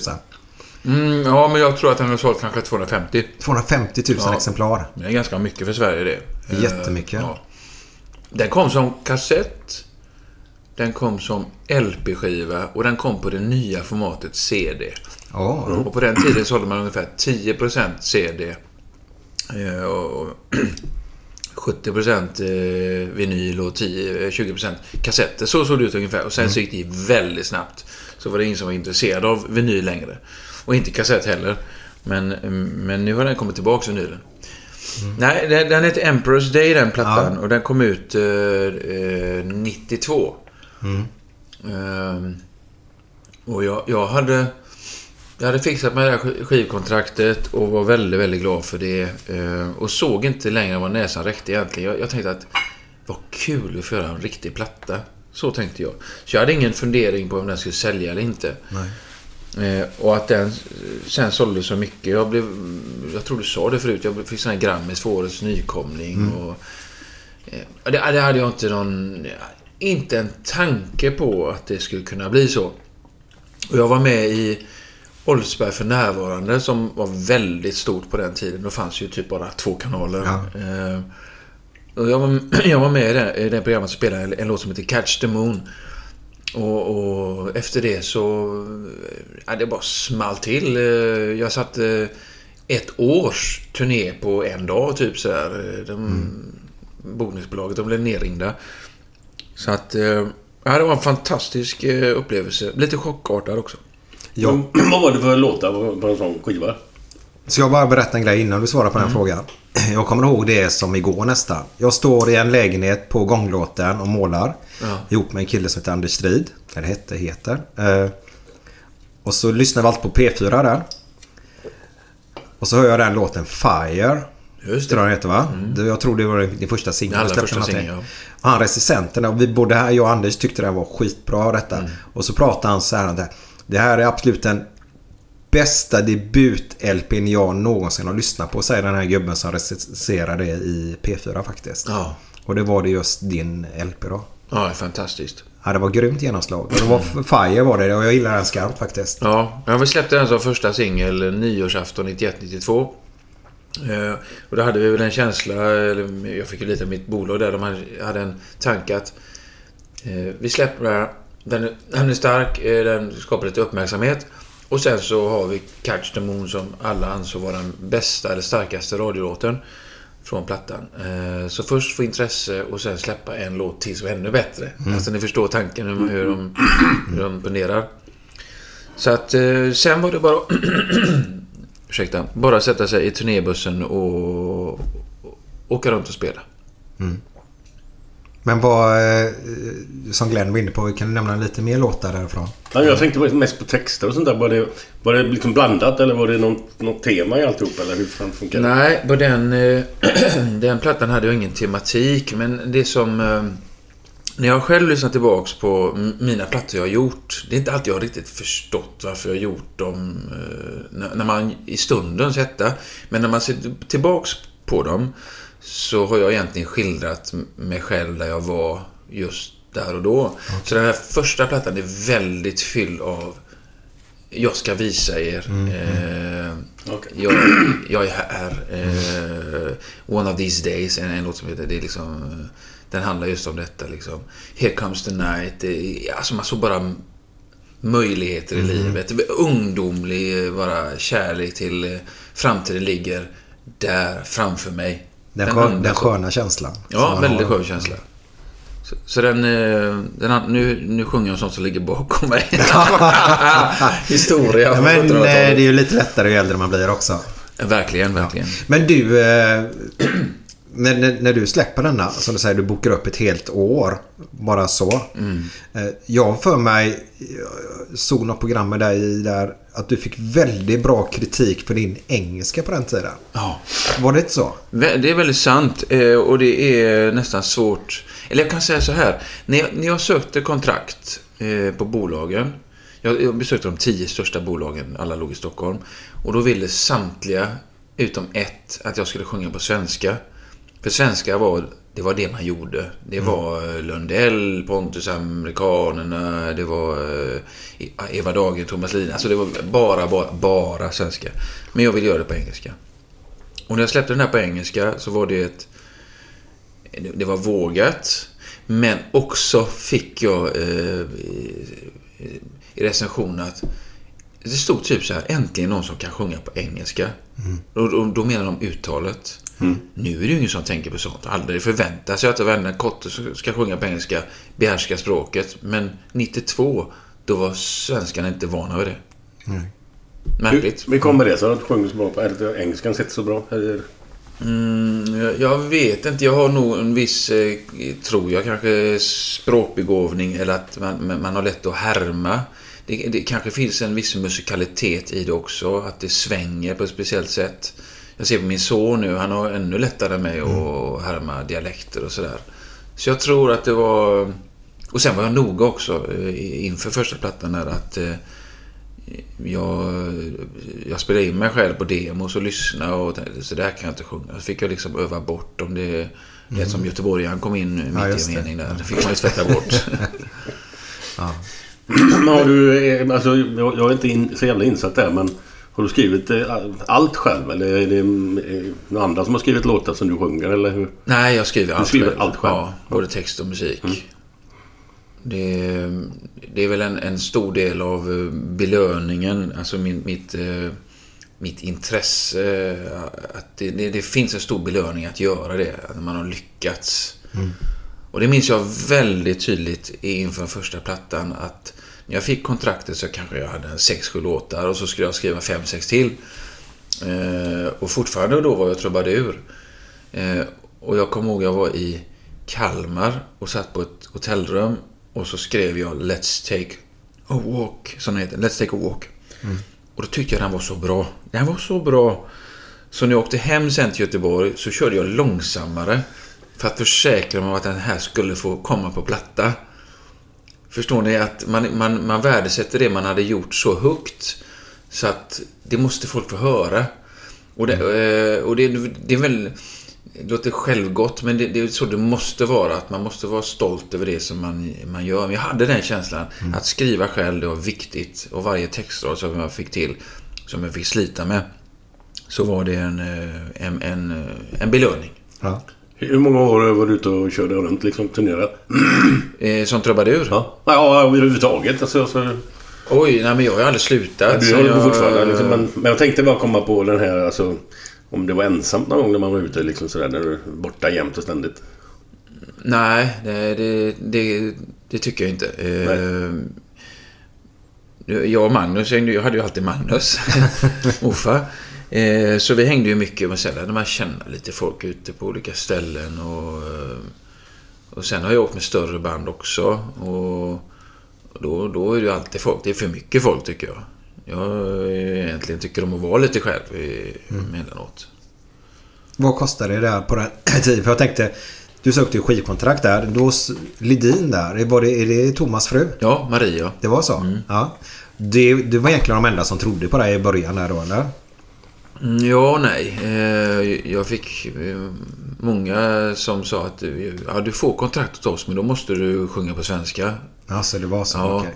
Och jag tyckte det inte alls var det jag ville. Nej. Men Marie Ledin och hennes bolag Record Station, de, de trodde på det jag gjorde eh, som det var. Och de, det var också fint för att det har jag lärt mig att eh, jag jobbar med människor som visar vad de tycker, vad de känner. Och det var inte så de här eh, skivbolagen, utan det var, satt någon, någon kille där och petade sig i näsan och lyssnade på, på musiken. Ja, det, det här funkar. Det här kommer folk gilla. Ja. Eh, alltså inte från dem själva. Nej. Jag litar inte på den människan. Eh, Men däremot Marie, och hennes eh, kompanjon, jag kom in och de bara Men det här är ju fantastiskt. Vi älskar det. Jag älskar det. Ska jag väl säga, det hade väl lite problem med ljudet då. Men vi var vid eh, Ledin där va? Ja, just det. Vi pratade om eh, eh, eh att de, eh, de visade uppskattning med en gång. Eh, eh inte dolde sig bakom någon coolhetsfaktor. Utan jag, jag kände de menade det. Att de, de, de verkligen älskade det de hörde. Eh, så jag, jag brydde mig aldrig om återkoppla till de här andra bolagen som eventuellt ville att jag skulle skriva på svenska. Utan jag gick på min känsla. Nej, vill de ha mig så, så, så, så vill jag vara på just det bolaget. Och det intressanta är att det var det bolaget som jag egentligen ville till från början. Aha. Jag hade liksom det högst upp på listan och det var där jag hamnade. Var det Lidin det? Ja. Bara en fråga. Jag är ju väldigt omusikalisk så. Spelar in... Nej, men jag spelar inget instrument. Vad sa du? Gör det ont? Ja, faktiskt. Det gör väldigt då. Ja. men jag, jag, naturligtvis ska jag vilja kunna sjunga. Jag tycker det är jättefint med människor som kan sjunga. Eh, Men skriver ut, hur funkar det? Skriver man texten först och musiken sen? Eller kommer det upp en melodi i huvudet på det bara man spelar vidare? Eller hur funkar det att skriva en låt? Och det är så olika. Eh, jag tror mer förr så var det att jag kunde sitta med gitarren i knät. Eh, och så tog jag ett ackord och så bytte jag till det ackordet och så det tempot. Alltså bara random så här. Det, det bara, och så kanske jag fick en ingång på någon... Du, du, du. Du, du, du, du. Ja, och så byggde jag därifrån och så blev det inte det som det var från början, men det utvecklade sig. Ja, det tas olika vägar där. Medan nu så använder jag en, en teknik som är... Eh, den är väldigt eh, intressant tycker jag, för att jag... Imagine the softest sheets you've ever felt. Now imagine them getting even softer over time. That's what you'll feel with Bowl and Branch's organic cotton sheets. In a recent customer survey, 96% replied that Bowl and Branch sheets get softer with every wash. Start getting your best night's sleep in these sheets that get softer and softer for years to come. Try their sheets with a 30-night guarantee. Plus, get 15% off your first order at bowlandbranch.com. Code BUTTERY. Exclusions apply. See site for details. I'm Sandra, and I'm just the professional your small business was looking for. But you didn't hire me because you didn't use LinkedIn jobs. LinkedIn has professionals you can't find anywhere else, including those who aren't actively looking for a new job but might be open to the perfect role, like me. In a given month, over 70% of LinkedIn users don't visit other leading job sites. So if you're not looking on LinkedIn, you'll miss out on great candidates like Sandra. Start hiring professionals like a professional. Post your free job on linkedin.com/achieve slash achieve today. Hey, it's Paige DeSorbo from Giggly Squad. High quality fashion without the price tag. Say hello to Quince. I'm snagging high-end essentials like cozy cashmere sweaters, sleek leather jackets, fine jewelry, and so much more. With Quince being 50 to 80% less than similar brands. And they partner with factories that prioritize safe, ethical, and responsible manufacturing. I love that. Luxury quality within reach. Go to quince.com slash style to get free shipping and 365 day returns on your next order. Quince.com slash style. För många år sedan gjorde jag en intervju med en journalist som ansåg att jag, att jag var konstnärligt gravid. Va? Ja. Och det innebär? Ja, det innebär egentligen så som jag jobbar. Jag håller på med en, en, ett nytt ämne nu som jag ska skriva nästa platta föreställning. Som jag inte kommer nämna vad det är, bara så ni vet. Men det där ämnet, det handlar om historia. Och jag är så sugen nu på att börja skriva första låten till detta. Men jag gör inte det. Jag, även om jag vill gå till pianot eller gitarr så gör jag inte det. Utan jag läser på mer, jag förstår mer, jag samlar liksom... Så att till slut så började man väl spricka. Alltså då är jag konstnärligt duktigt gravid. Eh, och i den stunden, när jag väl bestämmer mig för att nu skriver jag. Då är det bara så att... Då studsar jag så här va. Och då går det rätt fort. Eh, och- men det kräver också att jag litar på att jag kan skriva. Att det finns fortfarande en låt som inte är skriven. För det förstår jag än idag inte. Jag tycker alla låtar borde ju egentligen vara skrivna. Ja, jag håller med. Jag håller med. Så det, är- det är bara att hoppas att man gör någonting som ingen annan har skrivit. Men det, men det måste ju flytta på för du, eftersom du gått och tänkt på den då, det du ska skriva nu då, väldigt länge. Mm. Så har du ju mycket idéer i huvudet, som man säger då. Som du sa, gravid då. Ja, Och sen när du väl sätter det så måste du flytta på hyfsat lätt i alla fall. då förlöser man. Ja. Så Och är då det. kan det ta 24 timmar för en vanlig förlossning typ. Ja, För en ja. låt. Eller hur lång tid tar en låt då? Ja, det är också olika. Det, när jag skrev min första historiska platta, Marstrandsfången nummer 90 Kleist. Då hade jag läst på ett halvår och inte gjort en ton, eh, inte en textrad. Eh, och, och så hyrde jag ett hus på Marstrand för jag ville skriva låtarna på plats. Där det utspelar sig. Eh, och då kom jag dit med en ryggsäck på vintern på Marstrand. Det är vidrigt kallt och öde. Med lite rödvin och köttsoppa eh, paketerat i, i min ryggsäck. Och sen så skrev jag alla låtarna, alla texterna på fyra och en halv dag. Och det är världsrekord. Fyra och en halv dag? Ja, det är världsrekord för mig i alla fall. Hur många låtar blev det? Ja, jag tror det är 14. Ja. Men då var det så att då hade jag, jag skulle beskriva, du nämnde Tordenskjöld innan liksom. Då kunde jag, jag kunde hans historia som handlar i detta fallet när han var på Marstrand då. Så jag visste vad jag ville bes- beskriva och hur det skulle sluta och jag visste vilka, eh, hur jag ville framställa honom. För det är inte alltid det står det i historieböckerna. Han var en glad kille som gillade boll. Det är inte säkert det står det, men då får man ju kreera lite grann hur man upplever att han var den här människan. Så jag hade det ganska klart för mig och då, då går det fort. Så du målar egentligen upp bilder för folk då, hur det såg ut på den tiden och hur människorna Ja, var? det, är hela, det är hela min uppgift. Det är att eh, förmedla bilder till en, en lyssnare eller en besökare på en av föreställningarna. Så ju mindre rekvisita och sånt som jag har på scen som stör det här, desto mm, större bilder får folk av det som eh, det som hände.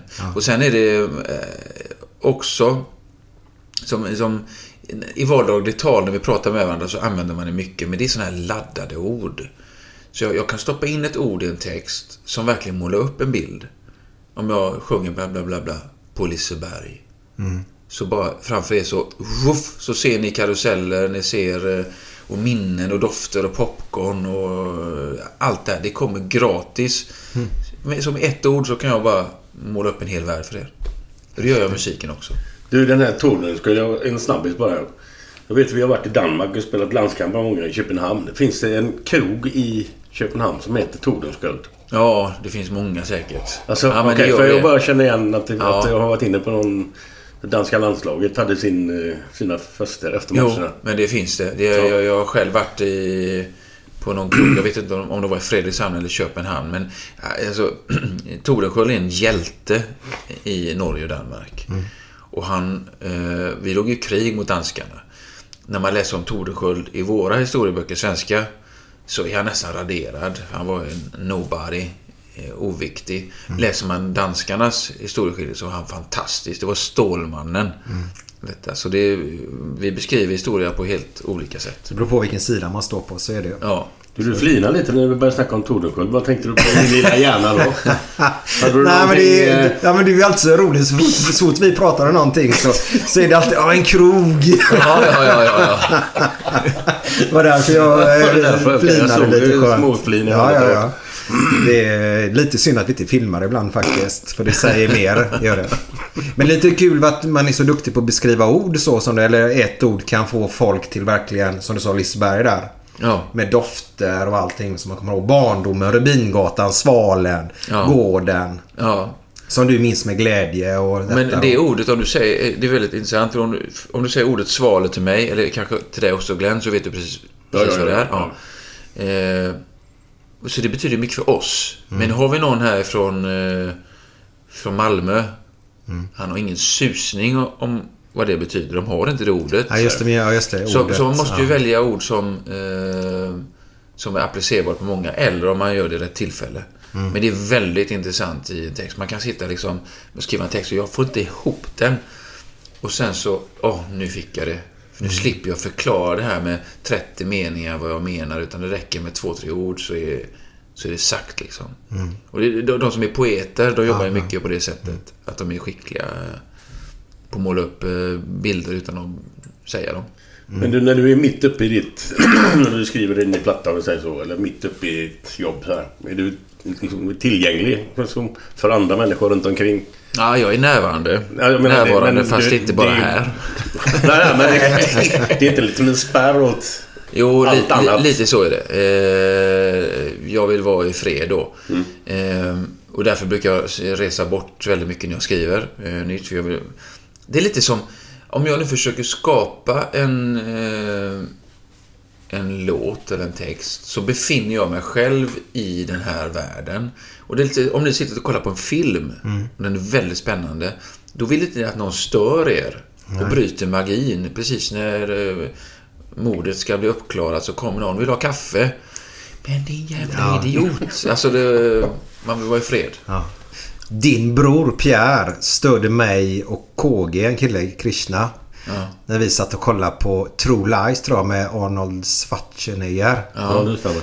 Så kommer han in där och vi, vi, vi köpte konceptet och tyckte den var skitbra för jag gillar verkligen den filmen. Ja.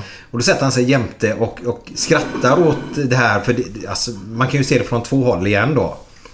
Och han sitter och förstör så vi blir förbannade så till han går härifrån nu för fan. Ja. Låt oss tycka den här filmen är bra nu då. Ja. Så eh, man vill inte bli störd helt Nej, enkelt. nej, nej. Ja, Jag känner igen det från min barndom mycket med min bror där. Kunde han paja någonting så gjorde han det. Det var så ja. ja. Jag fick upp det i huvudet nu. Jag kommer ihåg Du, Var det inte 95. Jamie Lee Curtis som spelar huvudrollen? Jo, eller jo. En, tjejen? Ja, ja. Mm. Den är riktigt bra faktiskt tycker jag. Ja. Du vet vilken jag menar? Nej, jag minns inte den. Nej. Han är spion i alla fall. Ja. Skitsamma. Eh, vad Men var vad fan, ja, men när du är inne på bröder och sådär. Har ni fightats som fan när ni var yngre? Eller har det varit snällt och Nej, vi var ganska eh, fredliga. Men det hände såna här grejer liksom som... Eh, jag var ju äldst då eh, och skulle väl tåla mest eh, egentligen. Men jag, jag fick... Fick grejer som han hade sönder och så hittade jag dem bara i någon låda sen, trasiga. Och så eh, sa jag, men titta här mamma och pappa, vad är han min lillebror? Och han bara, nej jag har inte gjort något. Men eh, det hände en rätt... Eh, eh, jag fick ju så här, kommer du ihåg de här ritspelen med två knappar? Ja, ja, och så går det någon liten nål på insidan. Ja, så kan man rita ja. mönster i något slags grus på, på glasskivan där. De finns än. Ja, de finns en. Ja. Eh, Och jag var jätteglad för det och fick eh, och, och ritade och så hittade jag det här och mycket riktigt helt trasigt. Rutan var intryckt och helt förstörd. Och jag blev jätteledsen och började gråta och gick till mamma och pappa och skvallrade liksom. Och det är Pierre som gjort detta. Och pappa eh, konfronterar min lillebror Pierre. Varför har du gjort detta? Ja, jag. Jag, jag vet inte. Jag ställde mig på det. Ställde du dig på det? Ja, ja, jag vet. Jag fick en grej bara. Jag ställde mig på det. Ja, pappa var snäll. Han åkte och köpte ett nytt sånt. Gick ett par dagar. Hittade jag det också trasigt. Ligger i en låda. Och då blir pappa vansinnig på Pierre och skäller ut honom. Och varför gjorde du detta? Och då säger han ordagrant. Om jag, jag var tvungen att se om detta skulle hålla. ja, på, på den nivån var det. fall. Ja. Barn är barn som man Barn är säger. barn, ja. ja. Och minstingen brukar alltid klara sig på något konstigt sätt. ja, helt klart. Det är faktiskt bra. Eh, bara så här tillbaka. Jag vill inte så tillbaka där. På den tiden du var trubadur. Var det mycket interna bråk mellan er trubadurer som åkte runt i Göteborg? Så här, slogs ni om giggen eller var du ute och spelade på gatorna någonting? Nej, aldrig på gatorna. Nej, vi slogs inte om giggen. Det, kan jag inte påstå. Men slåss kan man ju genom prissättning om man säger Ja, så. men det var det jag tänkte komma till. Jag har aldrig... Eh, det var en, i, inget namn på den personen som eh, dumpade priserna totalt här i Göteborg Lite långhårig va? Typ. Eh, alla var väl det mer eller mindre. Ja, men du vet, så han, han tog ju liksom tre, fyra år per kväll sen. Eh, och vi andra fick ingenting. Det var väl sådär poppis. Nej. Ja. Men vad var det för... Ingen... Alltså ingen... Nu vill inte säga just det namnet först nu. Men vad var det för gubbar som höll på med samma sak? Som var trubadurer som åkte runt lite sådär och höll på. Oj. Är någon man kände till eller? Ja, men de, många finns ju kvar än idag. Eller jag vet inte riktigt, men eh, de har blivit eh, band också. Många orkar inte stå själva och spela. De har blivit band och, och spelar liksom på afterski och allt vad de gör då. Men eh, After Beach från Alingsås, eh, om ni känner till dem. De kör ju fortfarande. Tre drag har de kört väldigt massa år också. Tre drag ja. Ja. Han ska jag göra ett jobb med nu på lördag i Skara. Bosse Brännerud. Ja, du ser. Ja. Vi ska få göra en grej på Ja, lördag. du ser. Ja, men de har varit på väldigt länge. Eh, och de, de som var på länge, de blivit bra på det de gör. De, eh, det, det är nästan... Det har utvecklats. Eh, när vi gjorde så... Eh, när jag var trubadur med, med Magnus så spelade vi eh, de mest kända låtarna för tillfället eller eh, standard sådär. Var det Creedence, ja då spelar vi Creedence. Vill de höra något annat, ja då spelar vi det också. Men nu har det utvecklats så att eh, Eh, det är nästan shower de kommer med. Det är färdiga shower. Kanske inte egna låtar, men de har valt ut någonting som de tycker, det här ska ni höra ikväll. Och önska ingenting, för det är vi som är stjärnorna. Jaha, okej. Peter Simpson. Ja, Peter då. Han Håller, håller han på mycket nu eller? Eh, ja, lite grann i alla fall. Han körde ihop med en annan gubbe. eh, De kallar sig för någonting. Ja. Simpson och... mm, Ja. Vad fan det nu var. De, de har varit med ett par gånger. Ja, Peter har gjort, han har släppt lite plattor också. Och, Gjort lite julcover och sånt där. på- Ja, precis. Ja. Vilket han gör fortfarande. Så han Så jobbar han också med att sätta artister och eh, arenor och så, här, så att... ah, Jag tror många, har- många strängar på sina lyror. Eh, Men Stefan, tillbaka till dig. Du eh, slog igenom då 92. Vi måste ändå så bara... Du flyttade ju från Göteborg. Mm. För att... Var det bara så att du var tvungen på alla giggen eller var, varför? Nej, du, det var du flyttade nog- till Stockholm helt enkelt. Ja, eh, det var nog en kombination av att jag var nyfiken. Mm. Eh, det var också så att jag ville, jag ville testa. Det var så många som flyttade till Stockholm, om de nu breakade. Mm. För branschen fanns där uppe. Och det var ännu mer så då. Alltså vi pratar om innan sms. Vi pratar faxtider nu. Ja. Alltså ni förstår. Eh, mail och eh, alltså, internet fanns inte. Eh, och då var det enklare att vara eh, i Stockholm naturligtvis. Eh, så att det var en kombination av att jag ville vara där det hände och sen var jag nyfiken. Idag behöver man inte bo eh, i Stockholm. Det underlättar kanske om du vill eh, få kontakter och bygga ditt nätverk och så vidare. Liksom. Det är, men då har jag en tanke om ju mer folk du hänger upp ditt liv på desto osäkrare blir din tillvaro. Så jag, jag tänker jag är, jag är mig själv närmast och så gör jag det. Sen plockar jag in de människorna som jag vill ha runt omkring, omkring mig. Inte tänker tvärtom. Ja, exakt. Hur länge var du i Stockholm? Två och ett halvt år tror jag. Ja. För du trivdes inte så jättebra eller? Eller gjorde du det? Nej, jag trivdes... eh, Det var... ehm, nej, jag trivdes betydligt bättre i Göteborg och det har eh, framförallt med vänner att göra tror jag. Att, eh, jag lärde känna massa folk i Stockholm men gemensamt för dem alla det var att de sjöng eller spelade gitarr. Eller någonting i den stilen. Och det var så ofantligt tråkigt att prata om trummor och gitarrer varenda dag. Ja, 24-7 verkligen då. Ja. Så jag, jag har en eh, god vän kvar i Stockholm som jag lärde känna under den här tiden. Och han är snickare. Ja. Så han, han hängde jag med mycket då. Va? Eh, så att... Eh, nej, men jag, jag har flyttat tillbaka till Göteborg för jag... Jag, jag, jag känner, känner mig tryggare här helt enkelt. Var bodde du i Stockholm någonstans? Mariatorget. På Söder. På Söder. Det är ju ändå... Alltså, om man ska trivas där så tror jag nog det är ändå Söder som ska gälla. Ja, absolut. Kan man ju tycka. Ja, ja. Nej, men det är... Nej, det är inget fel på Stockholm. Det är en fantastiskt vacker stad och... eh, Men, men det är en liten kulturskillnad nästan. Alltså hur man är som... eh, Hur man pratar och hur, vad man skrattar åt och så vidare. Ja. Och, så då, ja, ja, Göteborg blir staden för mig. Ja, vad skönt. Du var välkommen tillbaka kan vi säga då. Eh, Jag har hört Stefan att du har nog gjort Sveriges dyraste platta. Stämmer detta? Ja, det stämmer nog. Eh, På den tiden i alla fall eh, så var det väl en av de dyraste som hade gjorts. Och det var en mardröm. Att göra den plattan. Berätta. Ja, vi skulle göra en platta som heter Under Low Ceiling Sky. Det finns en låt på, från den plattan som är spelad på radio fortfarande. Det är Anywhere's Paradise. Ehm, och vi spelar in den här som man brukar göra. Nej, just det. Vi hade spelat in två plattor på Polar, alltså Abbas gamla eh, anrika studio. Ja, Jättefin. just det. Ja. Men då fick vi en idé. När vi gör något nytt nu. Vi spelar in den någon annanstans. Vi bygger upp en studio från scratch. Och då hittar vi ute på Värmdö, tror jag det var, i Stockholms skärgård. En gammal eh, grishus. Eh, Fritt från grisar och renoverat. Och där var liksom rätt akustiska förutsättningar för att spela in en platta. Stia alltså? Eller vadå? Ja, ja. Man, det går ju liksom att bygga upp studios, ta med sig utrustningen och så... Och inte så få rätt, mm, ja som du sa. Ja, det måste vara rätt eh, och- akustiska förutsättningar så att det inte låter som ett kyrkrum. eh, Mm. Eller låter som man är instängd i en liten garderob. Men det, var- det var bra. Men det hände så mycket tokigheter där. eh, Det var eh, elfel. Alltså det, eh, elen kom och gick lite grann, dippade och då räcker det liksom det för att någonting... inte.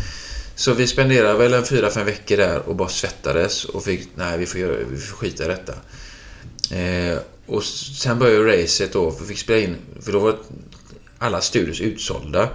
Så vi fick vara några dagar på Polar och några dagar där och, och den utrustningen var inte kompatibel med den och så vidare. Så vi höll på med detta eländet. Och en av grabbarna i bandet, han, han träffade någon, någon tjej som var lite sån här lite häxa så här. Hon kunde se in i framtiden och sådana goda grejer. Så hon kom till studion någon dag och kastade vigvatten och hade vitlök med sig för att hon ansåg att detta vi var hemsökt av någonting. Va? Så, så det var på den, därför blev den väldigt, väldigt dyr den här plattan. Det måste kosta massor väl? Ja, Ja, säger du bara. ja Vem- det var inte vem, jag som betalade som tur var. Så att, eh, Vem betalar sånt? Det var Marie Ledin. Jaha, det är så. Ja, hennes bolag. Ja. Bolaget går in denna och satsar pengar i en skiva som du då ska göra och så hoppas att det går bra. Är det så Ja, det då? finns olika eh, modeller på eh, ekonomiska avtal man kan göra. Antingen så bekostar man lika mycket och så får artisten i fråga lite mer eh, från varje platta. Det. Eller också har, tar bolaget hand om de stora kostnaderna men artisten får lite betalt för varje platta. Mm. Men det gick ingen nöd på Marie ändå. Hon hade tjänat så ofantligt mycket pengar på mina första plattor. Så Mm. det, det, hon, det drabbade ingen fattig. Nej. Nej. Men vad, jag... vad hette det sa du? Bolaget? Hette det? Record Station. Record Station. okej. Det var, eller, låg under BMG, ett av de stora Ja, bolagen. ja. Men jag vet eller förstår att du verkligen hade ångest då, Stefan.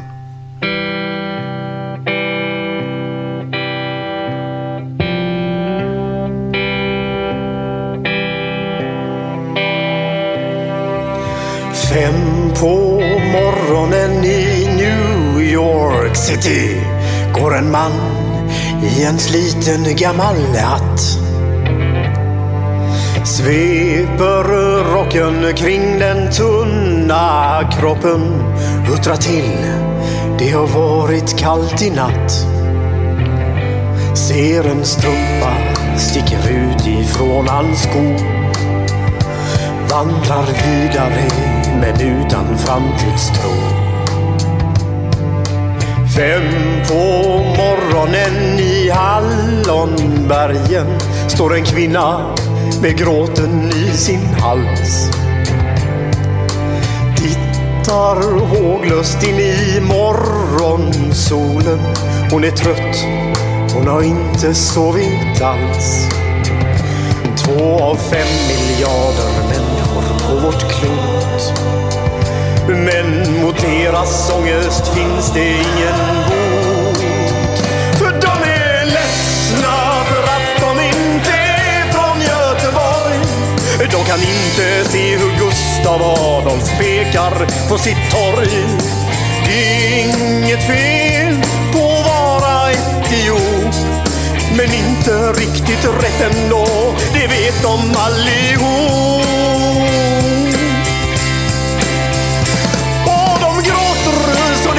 Det när de får en inre syn av hur vi som är från Götet tar en öl på Avenyn.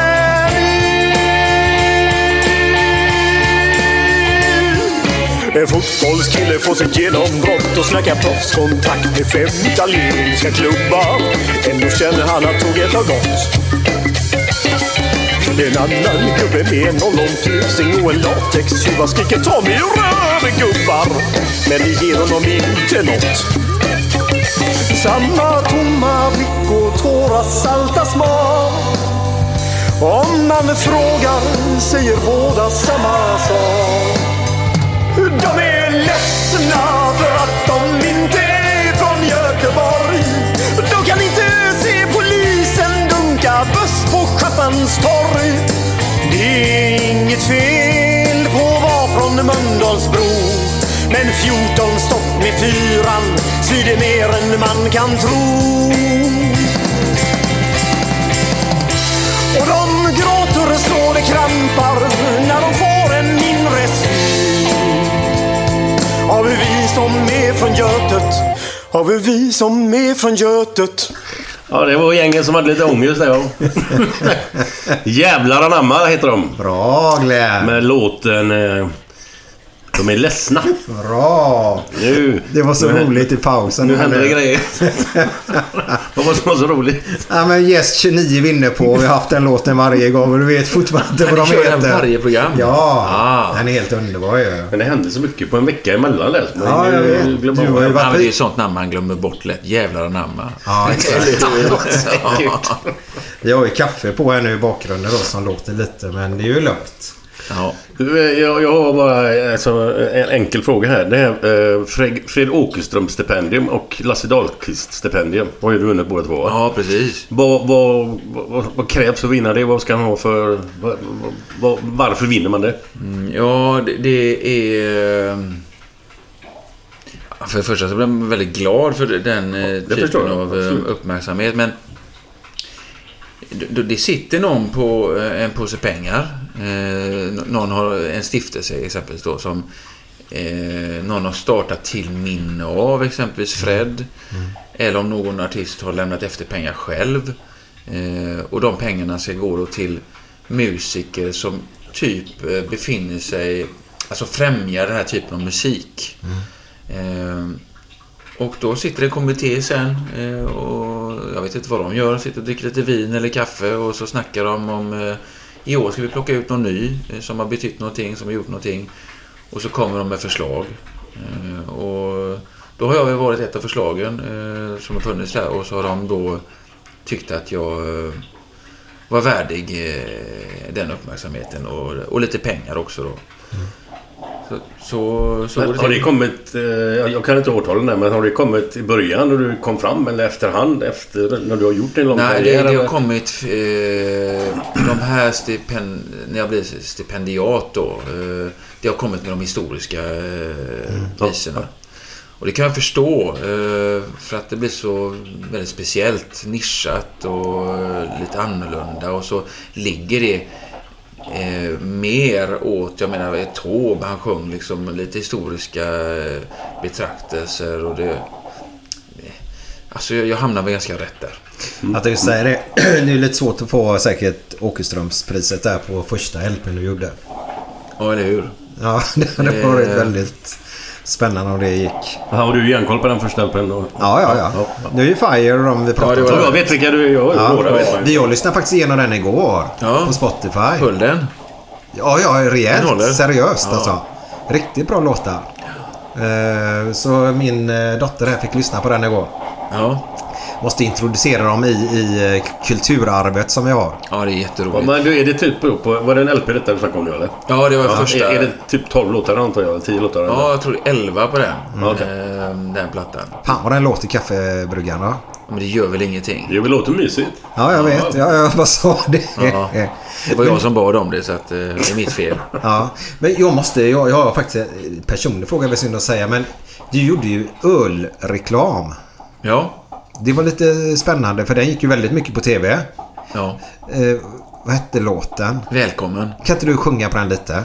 Välkommen då upp i det blå. Här finner du ro på blott en stund. Här är det gott, här vill man bo. Här kan kyssar och kärlek gro. Och det enda som du gör för att ta dig dit du bör är att du tror. Så går den. Fan vad häftigt. Vilken bira var det? Pripps blå va? Var det så? stämmer. Ja. Den är en rolig historia den också. eh, Då, då, för det vet inte lyssnarna, men, men du har faktiskt varit och, och tapetserat min lägenhet i Göteborg. Mm, Eh, och i den- Olivdalsgatan. Ja, Olivdalsgatan. Och i det, i det köket där sitter jag och det ringer på min telefon. Och då är det Prips som ringer och så frågar de om jag vill göra deras nästa reklamlåt. Eh, och då, då hade Thomas Ledin och Une Svenningsson och Tommy Nilsson tror jag hade gjort där innan mig. Då. Så det var ju lite ett fint uppdrag. Och så svarar jag, ibland vet man inte varför man säger saker, men jag säger Nej, det har jag inte lust med. Och det var ganska bra betalt och man ska få massa öl också. Så jag, jag, jag sa nej. Och jag hörde på personen andra änden att han blev lite förvånad. Och- ja okej, det... Ja. ja, men okej då, hej då. Och så sitter jag där ensam i mitt kök. Och så undrar jag, undrar varför jag sa ja eller nej. Och så tänkte jag, om jag hade sagt ja, undrar hur den låten hade blivit då. Så då var jag tvungen att skriva den låten för att se hur den hade blivit. Och det går jättefort, det tar typ 20 minuter. Så är den klar. Så sitter jag där med låt helt i onödan. Och ringer jag tillbaka till dem och säger, du, låten är klar nu. Ja, men du vill ju inte vara med. Nej, det har jag aldrig sagt. det är sant. Är det det? Ja, ja. Här. Ah, vad häftigt. Men är det inte så ibland säger man, man svarar någonting och så efteråt så vet man inte, varför sa jag så? Eller vad var det som fick mig att säga Det har så? hänt. Det Ja. händer ofta. Ja, Det är konstigt att det är så. Ja. Man tänker en grej och så kommer någonting annat ut i munnen. Ja, ibland kan det vara freudianska sägningar, men det här hade, inte med det att göra, utan det var bara att... Freudiansiska, är det han Freudians- Freud? Ja, det är något sånt när man... Eh, en var ett skådespel, han, han hade någon, på någon föreställning vi hade, han... Han berättade om freudiansk eh, sägning. Det är när man ska säga till sin fru, eh, man sitter vid frukostbordet, kan inte du skicka smöret? Och så istället säger man, din jävla drake, du har förstört hela mitt liv.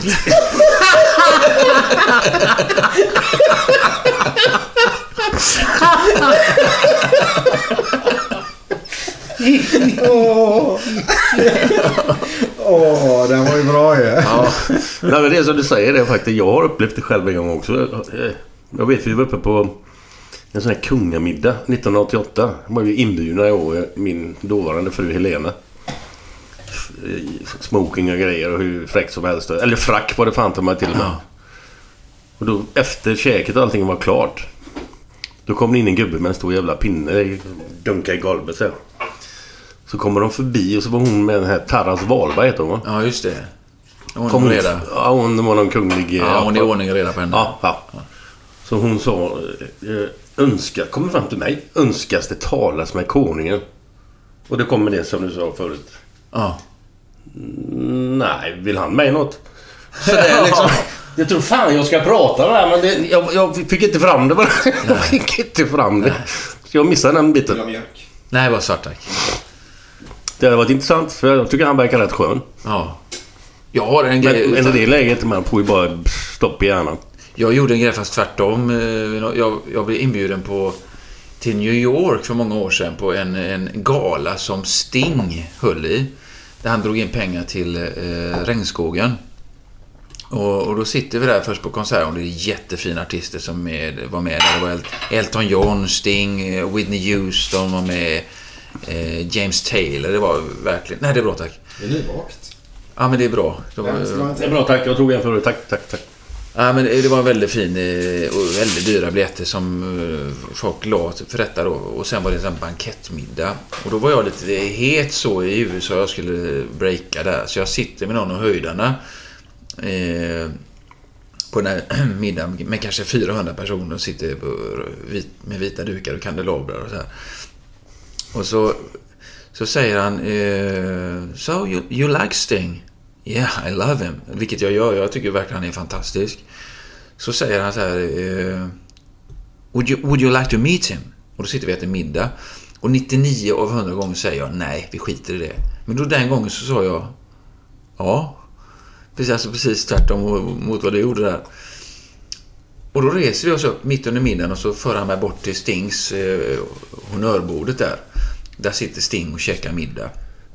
Och då säger eh, min representant där, den här höjdan, eh, Sting, I would like you to meet Stefan, a new star on the rock'n'roll sky. Och då lägger Sting ifrån sig eh, besticken, och, eh, sträcker ut sin hand och så säger han Hi Michael. ja, så var han, han ville inte bli störd i sin middag va? och sen fick jag gå därifrån igen med ben, eh, svansen mellan benen. Ah. Ja. Fan vad, men det är ju lite trist. Ja, det, det, det kan jag hålla med om. Samtidigt så kan jag... Så jävla jobbigt kan det inte vara. Nej, men, men samtidigt så var det nog markering mot honom som, som borde fattat det. Att han ska inte störa. Nej, han just har jobbat med stor nej, sitter och äter sin köttbit. nej. Och så kommer en, någon ung spoling från Sverige fram och ska eh, göra sig till. Nej, men Men lite det så. hade ju bara räckt att han tagit dig i näven och senare Ja, så hade det varit gjort. precis. Ja, vad fan. men jag gillar honom ändå. Jo, jo, men Ja, det... ja. Jag är inte långsint. Men hur, hur kändes det när du gick därifrån? Ärligt nu alltså. När du gick från precis efter Jag, det. jag, jag tänkte inte så mycket på det faktiskt. Jag, jag mm, lite garva åt det. Jag, för jag fattar situationen så det var... Ja. Du, när du nu är inne på det i USA allt det här. Hur mycket... Vilket, vilket land har du slagit i mest utanför Sverige? Ja, men det är nog Europa egentligen. eh, Tyskland, Italien och lite de här eh, länderna som jag har varit i. Sen har jag varit över hela världen. Eh, eh, ja, men under den tiden jag bodde i Stockholm då, då, då, då var jag... Om jag inte var på turné i Sverige så var jag prom- på promotion någonstans runt om i världen. Men, men eh, det, det är fördröjning, speciellt då. Nu går det alltså fort. Det är någon som breakar i, i Belgien och det blir en jättehit så kan den breaka två veckor senare över hela världen med, med all kommunikation som finns. Men så var det inte då utan det var... Då var du tvungen att vara på plats och du skulle skaka tass med alla de här skivbolagsfolken och de skulle läsa statistik och you name it. Det var eh, väldigt, väldigt mycket jobb med det. Så att eh, jag kan inte påstå att jag slog stort någonstans egentligen. utan Jag puttrade lite här och där. Japan är det många som slår det. Som man fan vet knappt vem de är i Sverige. Men de slår det där. Hur fan är det? Ja men gör de Ja, verkligen men det alltså, men det, förut har man hört om sådana. Nu kan jag inte ha något namn så här men... Nej, men det har säkert... eh, Det, det, jag vet Meja, om ni vet vem det är. ja, hon slog ganska stort i, i Japan. Hon slog i Sverige också, men större. Hon blev större stjärna i Japan än här. Eh, det finns de exemplen. Och det är väldigt bra för en artist, i varje fall då, att slå i Japan. För det är en väldigt stor marknad. De köper enormt mycket skivor. Och skivorna var väldigt dyra i Japan. Okej. Så att det var mer pengar att, hämta hem på Japan än på att- slå i Finland. Om man nu kan eh, ta den jämförelsen. Kan man Men, vad heter han då? Den här unge killen med stripigt vitt hår. Vem av dem? Ja, ja, ja, men- Han som var... Målad och grejer. Och, Ja, ja, ja. Han var med i Melodifestivalen. Ja, ja, ja, ja, Han var hur stor som helst i Japan. Ja, just han? det. Tokyo... Heter han. precis. Ja, men han slog vi där också. Det kan jag tänka mig. Men han har inte... Det är länge speciellt i Sverige eller? Inte vad jag vet. Nu Nej. vet ju vi, ju vi vem han är. Så något, något avtryck har han ju gjort. Ja, han kommer nog i Melodifestivalen något år till. Du har varit med i Melodifestivalen ju. Ja, Men... Eh, rätta mig nu. 07 eller? kan stämma. En duett va? Ja, Heter jag, det så? Ja, det heter det väl om du är ja, två. Det, om det är två så heter det duett. Ja, ni var två eller? Ja, men det en heter PV. Ja, det var en duo. Eh, vi spelade in en... Eh, det var egentligen så att vi, vi skulle skriva låtar till andra. Det var, det var hon som föreslog detta till mig. Och efter en kvart, vi satt i min lilla studio och sjöng tillsammans, så märkte jag, men vad vi sjöng bra ihop. Det lät verkligen bra av våra röster ihop. Så ska vi göra en platta ihop, eh, sa jag. Och ja, absolut. Så vi skrev låtar till detta. Och sen eh, kan man ju, jo det kan man ju säga, jag är inte så förtjust i Melodifestivalen. Eh, så jag, jag kollar aldrig på den, jag tycker att det är ett jippo utan dess like. Men då säger min eh, Alina som hon heter, kan vi inte anmäla oss till Melodifestivalen? Nej, det gör vi inte. Men hon kom gång på gång tillbaks till detta. Och till slut så säger hon efter ett par månader de magiska orden. Det var lite som Simon och Garfunkel, den eh, andan vi sjunger då. Så säger hon, kan vi inte skicka in en låt? Den musiken vi gör, den är så offen då så den kommer aldrig komma med. Och mer för att få tyst på henne sa jag, men skicka in den då. Och sen kom vi med. Så jag, jag ville inte det egentligen. Men eh, då gjorde vi det. Vad hände sen då? Hur gick det? Anna Bok kom för oss. Så det var ju... Det blev två alltså? Nej, det kom, eh, det var många som kom före Anna Bok också. Jaha, Jag minns- jag, jag minns trodde att- hon vann och ni kom två. Nej, nej, nej. Jag har för mig att vi kanske var åtta bidrag något sånt i tävlingen och sen så gick det vidare fyra och... Eller något sånt och så var det två som skulle göra upp om den sista platsen där. Men då vann Anna Bok. Det kommer jag ihåg. Okej. Anna Bok. Vad, vad, vad, hette- vad, kommer du ihåg vad hennes låt hette? Nej, Nej. det gör jag inte. Vilken stad? Var det Linköping? Nej. Eh, Jönköping. Jönköping, ja. Mm. Men det var kul att vara med i alla fall, eller? Själva spektaklet då som du kallar det. Nej, jag tycker inte det. Jag tycker inte det. En kiosk utan dess like blev det här. Ja. Nej, jag tycker inte det var roligt. Nej, inte alls. Ingen fest efteråt, ingenting. Jo, men jag kan ha roliga fester hemma. Med snickaren. Med snickaren och sådana Ja. goda, sköna. Ja, men det, det, är inte, det är ingen kritik mot, eh, mot, den företeelsen. För det är många, många som är engagerade och älskar den här, det här programmet. Jag kan bara säga vad jag tycker. Jag, Ja, ja, ja. Jag, det är inte min grej. Nej, de får nog byta lite koncept nu för det känns lite uttjatat faktiskt. Och det börjar ju här nu i februari säkert tror jag. Ja, det här med början, jag tycker det är en evighets... Men det var väl var det inte lite roligare förr när det var en tävling liksom? Nu är det ju, ska de ju ha tio stycken innan och så är det någon uppsamlingshit någonstans och så är det... Jag vet inte fan om det var så mycket roligare förr om man säger så. Nej men det var liksom en händelse. Nu är det ju 20 händelser Ja, men det, på var vägen en, fram. det var enklare att, sitta och kolla på en och en halv timme och så var det klart. Men, men, men bevisligen så är det väldigt många som kollar på detta. Mm, men och det finns en dra- dramaturgi i detta också. Ja. Att man får följa någon och hur går det? Och den personen vann eller torskade på Ja. slutet. Men jag tänker så här, om jag får höra en låt x antal gånger så kan ju en låt växa under tiden. Ja, ja för fan. Eh, Jag tycker det är väldigt svårt när man bara hör en låt en gång och säga vilken låt som är bäst om man får höra tio bidrag. Ja. Jag tycker det är lättare om man får höra dem x antal gånger. För mig personligen då. Så är det. Och det finns nog väldigt mycket bevis på det från just de här tävlingarna som gick på kanske på 70, 80, 90-talet. Mm. Eh, där de låtarna som vi har kvar idag, det är de som kom två eller trea. Mm. De som vann det året, de, de höll inte längden. Nej. Johnny the Rocker kommer inte han sist till och med tror jag med Uggla. Med Uggla, ja. ja. Men den har ju överlevt. Ja, ja, ja. Herregud. Det var riktigt bra ska jag ha sagt. Men Stefan, du hade en grej på Glenn. Nej, men jag, jag, nej, men jag tänkte på det med, med fotboll. Vi pratade, pratade pausen här när, eh, när du gjorde kaffe eh, och vi körde en låt. Så nämnde jag att du var lik en vän till mig. Ja, just Och det. så, så bara kom jag att tänka på eh, din fråga tidigare Glenn, om jag hade hållit på med idrott och spelat fotboll och så här. Och då har jag varit eh, eh, en av Sveriges mest framstående fotbollsspelare under en väldigt kort tid. Och det var när jag bodde i Göteborg. Och jag var väldigt lik på den tiden, eller om han var lik mig, Andreas Andersson. Ja, ja, ja. Ja. Så när jag öppnade upp tidningen på eh, GP på den här tiden och så var det en bild så, så, så tänkte jag ibland Wow, har du gjort ett reportage om mig? Nej, det var om Andreas. Så här. Vi var väldigt lika. Och då bodde jag i Olivedal och så gick jag ner för Olivedalsgatan och hade de en liten symaskinsbutik där. Som någon kille från eh, ja, men, eh, Mellanöstern tror jag som drev eh, den här butiken. Och han satt ute på en liten stol på vårkanten och drack kaffe. Eh, och så fick han syn på mig då liksom. Och han bara ställde ifrån sig kaffekoppen och gick fram till mig. Alltså du måste veta va? Du är helt grym. Du är helt grym alltså. Och jag blev jätteglad och så här, ja härligt liksom. Och så, alltså jag, minns va, när du sprang på högerkanten. Åh herre Jesus, du bara rätt in i kryssen. Och då fattade jag att han menade mig då. Du, ja men du förstår att jag... Det, tyst nu! När du sparkade den frisparken rätt upp i andra kryssen, jag skulle du. Och sen så tänkte jag, jag kan inte såra honom för nu tror han att han pratar med Andreas Andersson. Så jag var Andreas Andersson i tio minuter. Han frågade mig om mina lagkompisar och jag upplevde tränaren och mina planer. Jag bara körde på hela, hela tricket där.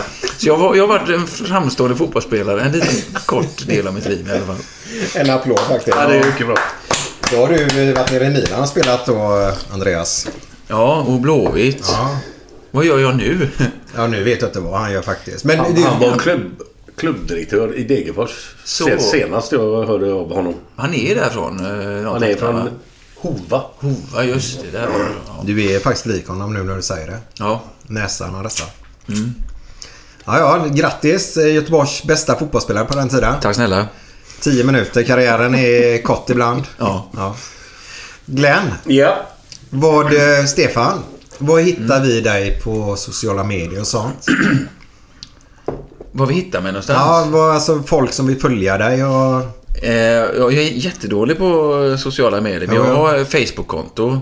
Så där heter jag ju vad jag heter, men sen vad adressen heter på riktigt, om det ska stå någon kommatecken Nej, men det är eller bara att söka Stefan Andersson. Ja, då. men där finns jag liksom. Sen har jag en, en hemsida där, där man kan eh, följa vad som händer också. Ja, men det är ju en hemsida. Är det också Stefan Andersson då? Ja, eller? det är stefanandersson.nu. ja. Så heter jag i den världen. Och där kan man också gå in och klicka på om man vill komma till mitt Facebook-konto. För så fint är det fixat med tekniken så att det går att göra och det. Sköter du det? Nej, det gör jag inte. Men, men jag besvarar eh, eh, mycket på min Facebook-sida. Där, där man kan vara, interagera, interagera, interagera med varandra. Där svarar jag eh, själv då. Men sen har jag förstått det, eller jag vet, jag värdesätter det verktyget. Och jag, jag, jag förstår att jag måste bli bättre på det. För folk nästan förväntar sig det då. Att du ska vara synlig på de här...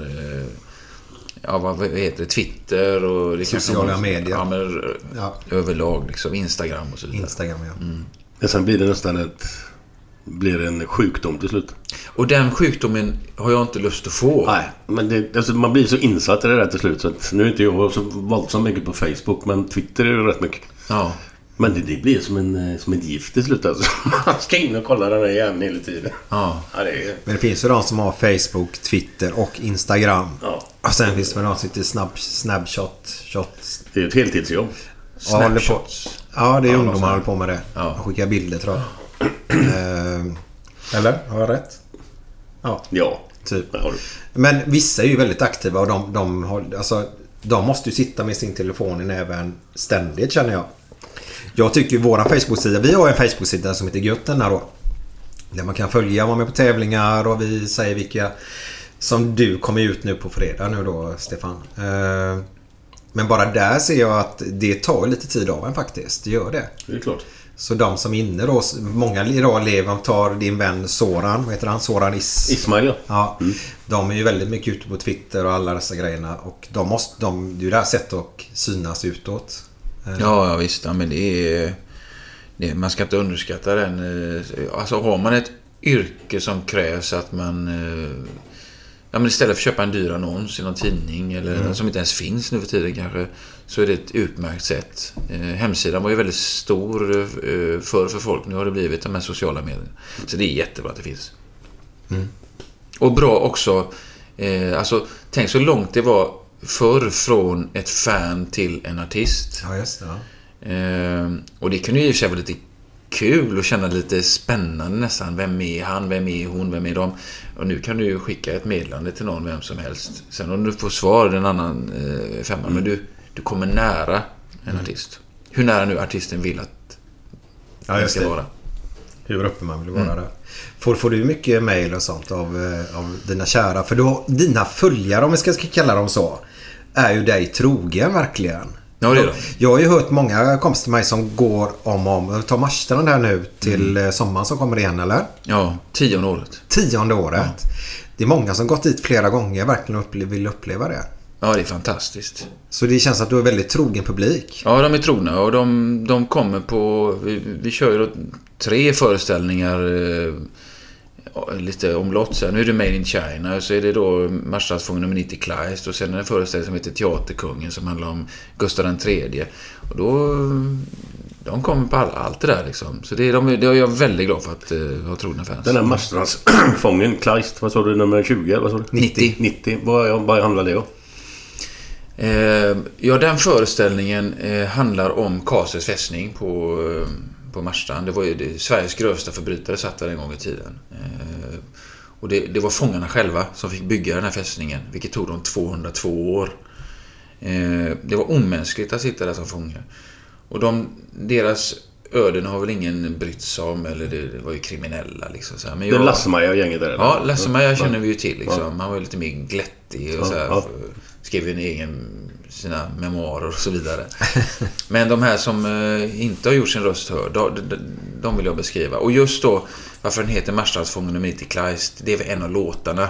Heter eh, eh, nummer 90 Kleist. Och det handlar om en av fångarna där som, eh, som satt fängslad dömd för mord.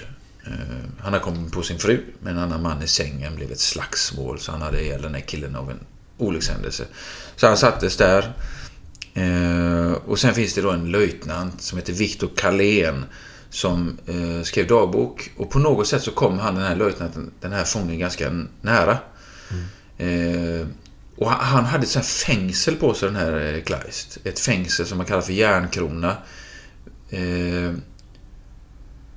Eh, vägde 36 kilo.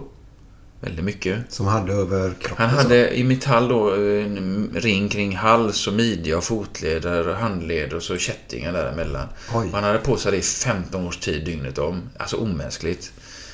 Eh, så hans, hans liv beskrev jag baserat på den här eh, dagboken då. Så, så då fick den här eh, föreställningen det namnet. För jag tyckte det var... Även om du sa 20 nu så brukar folk komma ihåg att det var 90. så han hette då. Sorry, Ja, det är cool. Nej, så det, det är... Det är eh, personporträtt på de här fångarna men även liksom lite krigshistoria. Tordenskjöld, han lyckades ju... Den dansk-norska amiralen, han lyckades ta fästningen ifrån oss 1719 eh, med list.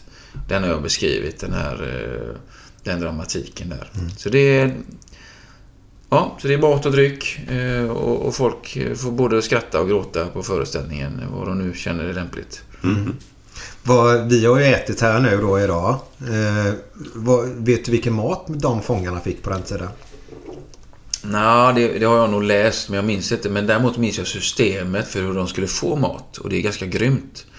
Eh, alla fångarna var tvungna att jobba, för då fick de lön. Men de fick bara en lön som precis räckte för att köpa mat och den veden som de skulle värma upp sin cell med. Med andra ord, var du sjuk fick du inga pengar, då fick du ingen mat och ingen ved. Och det var så man behandlade människor på den tiden. De hade alltså ingen människovärde. Det var vissa, vissa vintrar var det så kallt så att en tredjedel av fångarna frös ihjäl. Men på den tiden så såg man inte det som något problem. Det var bara in, ut med liken och in med nya fångar. Och så fortsatte verksamheten. Grymt. Herregud. Och det här berättar du i sång och musik. Ja, då, då berättar jag det mycket. Eh, Jag, jag, jag verkligen berättar om eh, historiken och, och händelsen i sig. Och, och, och så spelar jag en låt också. Eller spelar låten som precis det jag berättat om. Men det är, det, är, det är ingenting man förväntar sig att gå dit och vara glattigt och trevligt då. Jo, absolut. Det, låter som låtarna är man säckar Ja, ut. för det, det är tyvärr så att alla låtarna så dör alla. det, det är utan undantag. Nej, men det, är- det folk garvar väldigt mycket. Ja, det bra, vi, det gör ju, vi gör ju, slår mynt av, av vissa saker som eh, blir helt absurda. Så att eh, det är lika doser glädje som tårar. Och det, det är samma med Teaterkungen och eh, Made in China också. Mm. Det, det, är ingen, det är ingen som orkar se en föreställning när man sitter och lipar i två timmar eller tre. Nej, nej. Nej, nej. Man kan ju faktiskt berätta. Så du kan också komma Glenn. Ja, det är bra. Det är bra. Ja, Glenn hade inte orkat två timmar med gråt. Eller allvar, djupa samtal. Det går ju inte. Men det är faktiskt eh, vilken historieberättare du är då. Det hade varit lite kul om man kunde få in det i skolan på något sätt. Att inte bara läsa en bok utan man får en story berättad med musik då. Ja, men det är väldigt sant. Jag, jag har gjort lite jobb för eh, punktinsatser för skolans räkning. Du har gjort det? Ja, och jag har varit i kontakt med dem och velat utveckla detta av anledning att jag tycker att läromedlen är ganska kassa. Eh, Hur, hur gammal är du? 13. Eh, då, då läste de Gustav III när du gick i sexan. Du minns inte ens det, men det var han som blev skjuten av Ankarström på maskeradbalen. Det kanske du minns någonting av? Nej, du var trött på den lektionen. Men hade jag varit på din lektion, hade jag varit på din lektion så hade du minst det. Och det är för att jag berättar på ett annat sätt. Jag börjar på individnivå. Det är ingen som orkar höra ett årtal, ett namn på en kung, en händelse det, det, vi bryr oss inte om det. Men om vi får höra talas om en person man kanske får följa Ankarström, eh, vem han var och vad han kände och tyckte. Eller, eller Gustav III, vem han var, mm. vad han tyckte. Så här. Då blir det intressant. Mm. För vi, vi, vi, vi tycker om att höra om andra människor. För vi identifierar oss då med den här människan vi hör talas om. Och, och så jobbar jag med mina föreställningar och texter. Att det är människan som är viktig. Sen kan du kroka på ett årtal. Så att du vet var du befinner dig på den historiska kartan. Mm. Men i den ordningen tycker jag man ska börja. Mm. Men nu var det han... Mm. Var det den med knappen? Nej, det var Karl XII det. Det var Karl XII. Ja. ja. Där ser du, hon blandar upp dem. Ja, det, var, det var han som gick så väldigt långt. Han gick från Stockholm till Europa under flera år och sen gick han till Ryssland och så gick han till Turkiet. Och så gick, ångrade han sig och gick hem igen. Och så gick han för långt, gick till Norge och där fick han en knapp i huvudet och stendog. Det var ett riktigt skitliv. Sicket. Ja men seriöst, alltså hur, hur hinner man? För de blev ju inte så gamla på den tiden heller. Nej, det, det blev de inte. Sjukdomar tog nog kål på många. Alltså mm. Snittåldern eh, förkortades där och sen ett annat eh, leven helt. Och det är märkligt för att eh, det var ju under våra...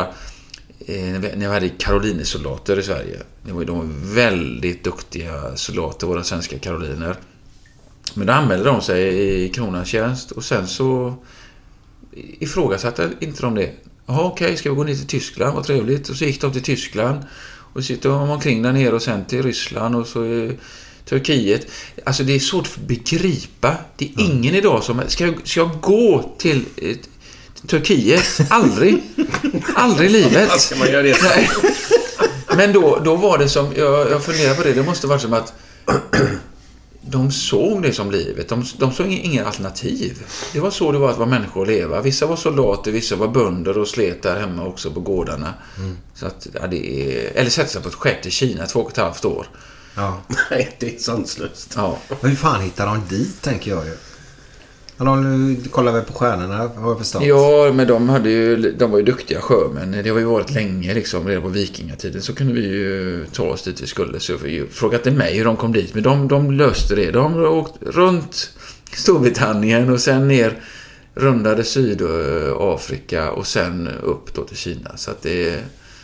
De, de jag hade sagt höger-vänster, men det gör det Det låter ju så jävla enkelt. bara runt. Nej, men om du seglar mitt i natten bara, vad fan är vi än alltså? Nej, Nej jag är imponerad. De, jag är imponerad. De var duktiga på att läsa ja, både ja. himmel och, och hav och vindar och så vidare. Ta nu i stan. Folk kan ju inte köra utan sin mobil. Vad hittat en adress ens ju. Nej. Nej. Säger du som körde hit med GPSen. Ja, det gjorde jag. Undrar vad fan Partille det Där uppe ligger väl inte Partille? Nej, det är sant. Sa du. Ja. Var bor du någonstans nu? Jag bor i Bildal. Bildal, okej. Okay. Ja. Fan, är det inte... Jag kan inte Bildal, Bildal, Bildal. Eh, Bjärsmyr bor han där nere i Bildal? Vet du, i Blåvitt?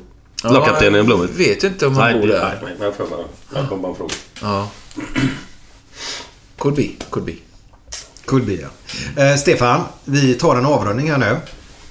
Det är så här att jag tänkte att vi ska eh, Eh, ge våran publik, våra lyssnare, eh, din första singel idag faktiskt. Eh, och efter den så eh, kommer Glenn med, eh, jag tror det blir årets bästa eller sämsta historia faktiskt. Ja, men väldigt trevligt med, med Fire. Men, men vi gör så här. Eh, jag eh, lägger ut två biljetter till min föreställning Made in China på kanske Lotta eh, till eh, två utav era lyssnare. Super. super. Eh, eller vill säga en lyssnare som får ta med sig en person så, mm. gör vi så. Men för att det inte bara ska vara så där så måste man göra någonting för besväret. Så då vill jag att ni där ute som lyssnar på det här programmet, ni går in på Enna Göttvas... Gött Enna. Gött Enna. Sida, ja, på Facebook. Facebook-sida. Ja. Och så får ni skicka in ett meddelande eh, med, rätt, med rätt svar. Med rätt svar. Och då är frågan så här. En gång i tiden så fanns det en lots i Göteborgs skärgård. Den här lotsen orsakade att originalskeppet Göteborg förliste år 1745. Vad hette den lotsen? Om ni skriver in ett meddelande till eh, Enna Gött ända. Gött ända då va? Enna gött! ja, det är gött ihop. Ja, Ja, gött så, så, så, så, som tack för en trevlig stund här så, så löser jag det. Ja, tackar, tackar. Tack så, för det, eh, suveränt. Lyssnarna där ute nu då. Meddelande på Facebook-sidan. Skickar ni till oss så drar vi det under nästa sändning helt enkelt. Och så var det eh, en person fast de får två biljetter och kan ta med sig en kompis. Ja, precis. Det är väldigt tragiskt att behöva gå själv på något. Ja, Ja, det är inte faktiskt. sådär jävla kul. Om man inte är ensam då får man... Ja, men då har man finns chans alltid att ta någon. med sig en kompis Ja. eller eh, en katt eller vad som Ja, en katt. Just det ja. Kan man spela schack också? Men nu kommer Fire!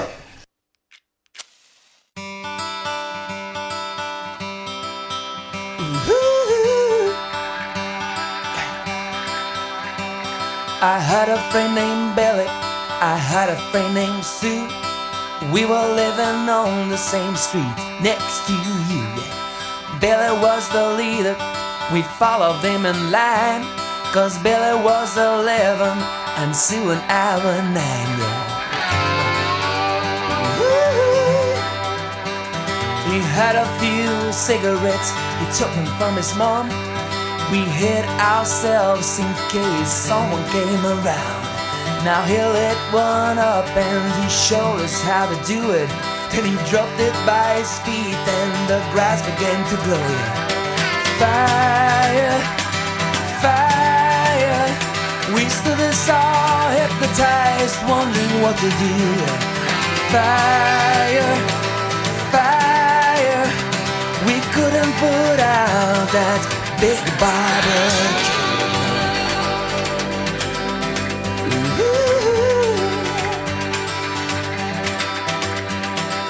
Billy he went crazy, jumping up and down. When I think about it, he was looking like a clown. I ran up the road, called a fireman and all. While Sue just stood there doing nothing at all. We hid in the bushes, just then they arrived. A big red fire engine in a overdrive.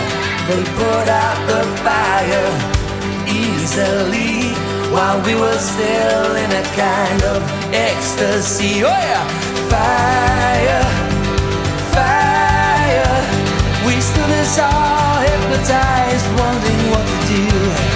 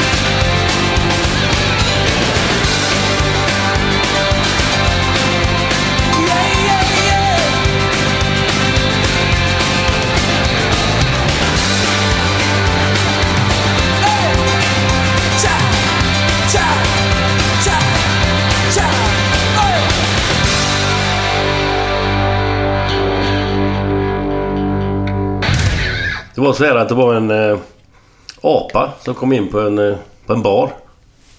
Beställde en bira. Han fick sin bira.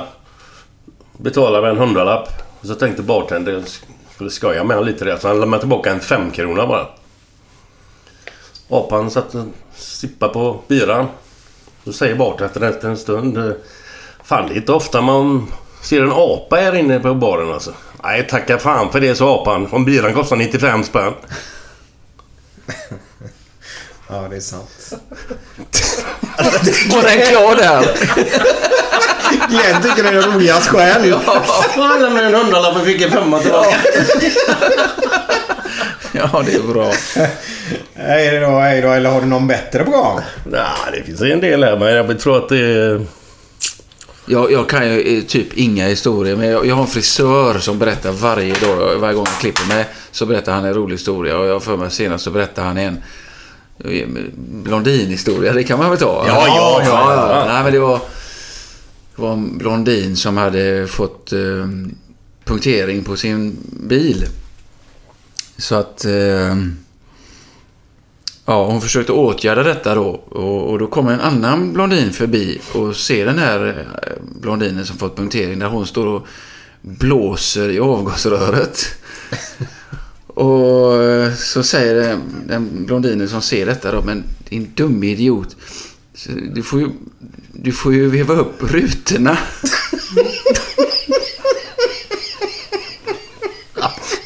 Ja, Det är sådana goa. Det, De är fina tycker jag. ja. ja det var bra Ja, faktiskt. absolut. Nej, det är så dåligt så. Nej, jag tyckte den var skitbra. Hej då, hej då, hej då. Hej, hej. Hej då, hej då. Jag ska bara vänta om du skulle säga något eller inte. Imagine the softest sheets you've ever felt. Now imagine them getting even softer over time. That's what you'll feel with Bowl and Branch's organic cotton sheets. In a recent customer survey, 96% replied that Bowl and Branch sheets get softer with every wash. Start getting your best night's sleep in these sheets that get softer and softer for years to come. Try their sheets with a 30-night guarantee. Plus, get 15% off your first order at bowlandbranch.com. Code BUTTERY. Exclusions apply. See site for details. Hi, I'm Daniel, founder of Pretty Litter. Did you know cats tend to hide symptoms of sickness and pain? I learned this the hard way after losing my cat, Gingy. So I created Pretty Litter, a health monitoring litter that helps detect early signs of illness by changing colors, saving you money and potentially your cat's life. Pretty Litter is veterinarian developed, and it's the easiest way to keep tabs on your fur baby's health right at home. Go to prettylitter.com and use code ACAST for 20% off your first order and a free cat toy. Terms and conditions apply. See site for details. Ever catch yourself eating the same flavorless dinner three days in a row? Dreaming of something better? Well, HelloFresh is your guilt-free dream come true, baby. It's me, Kiki Palmer. Let's wake up those taste buds with hot, juicy pecan-crusted chicken or garlic butter shrimp scampi. Mm. Hello Fresh. Stop dreaming of all the delicious possibilities and dig in at HelloFresh.com. Let's get this dinner party started.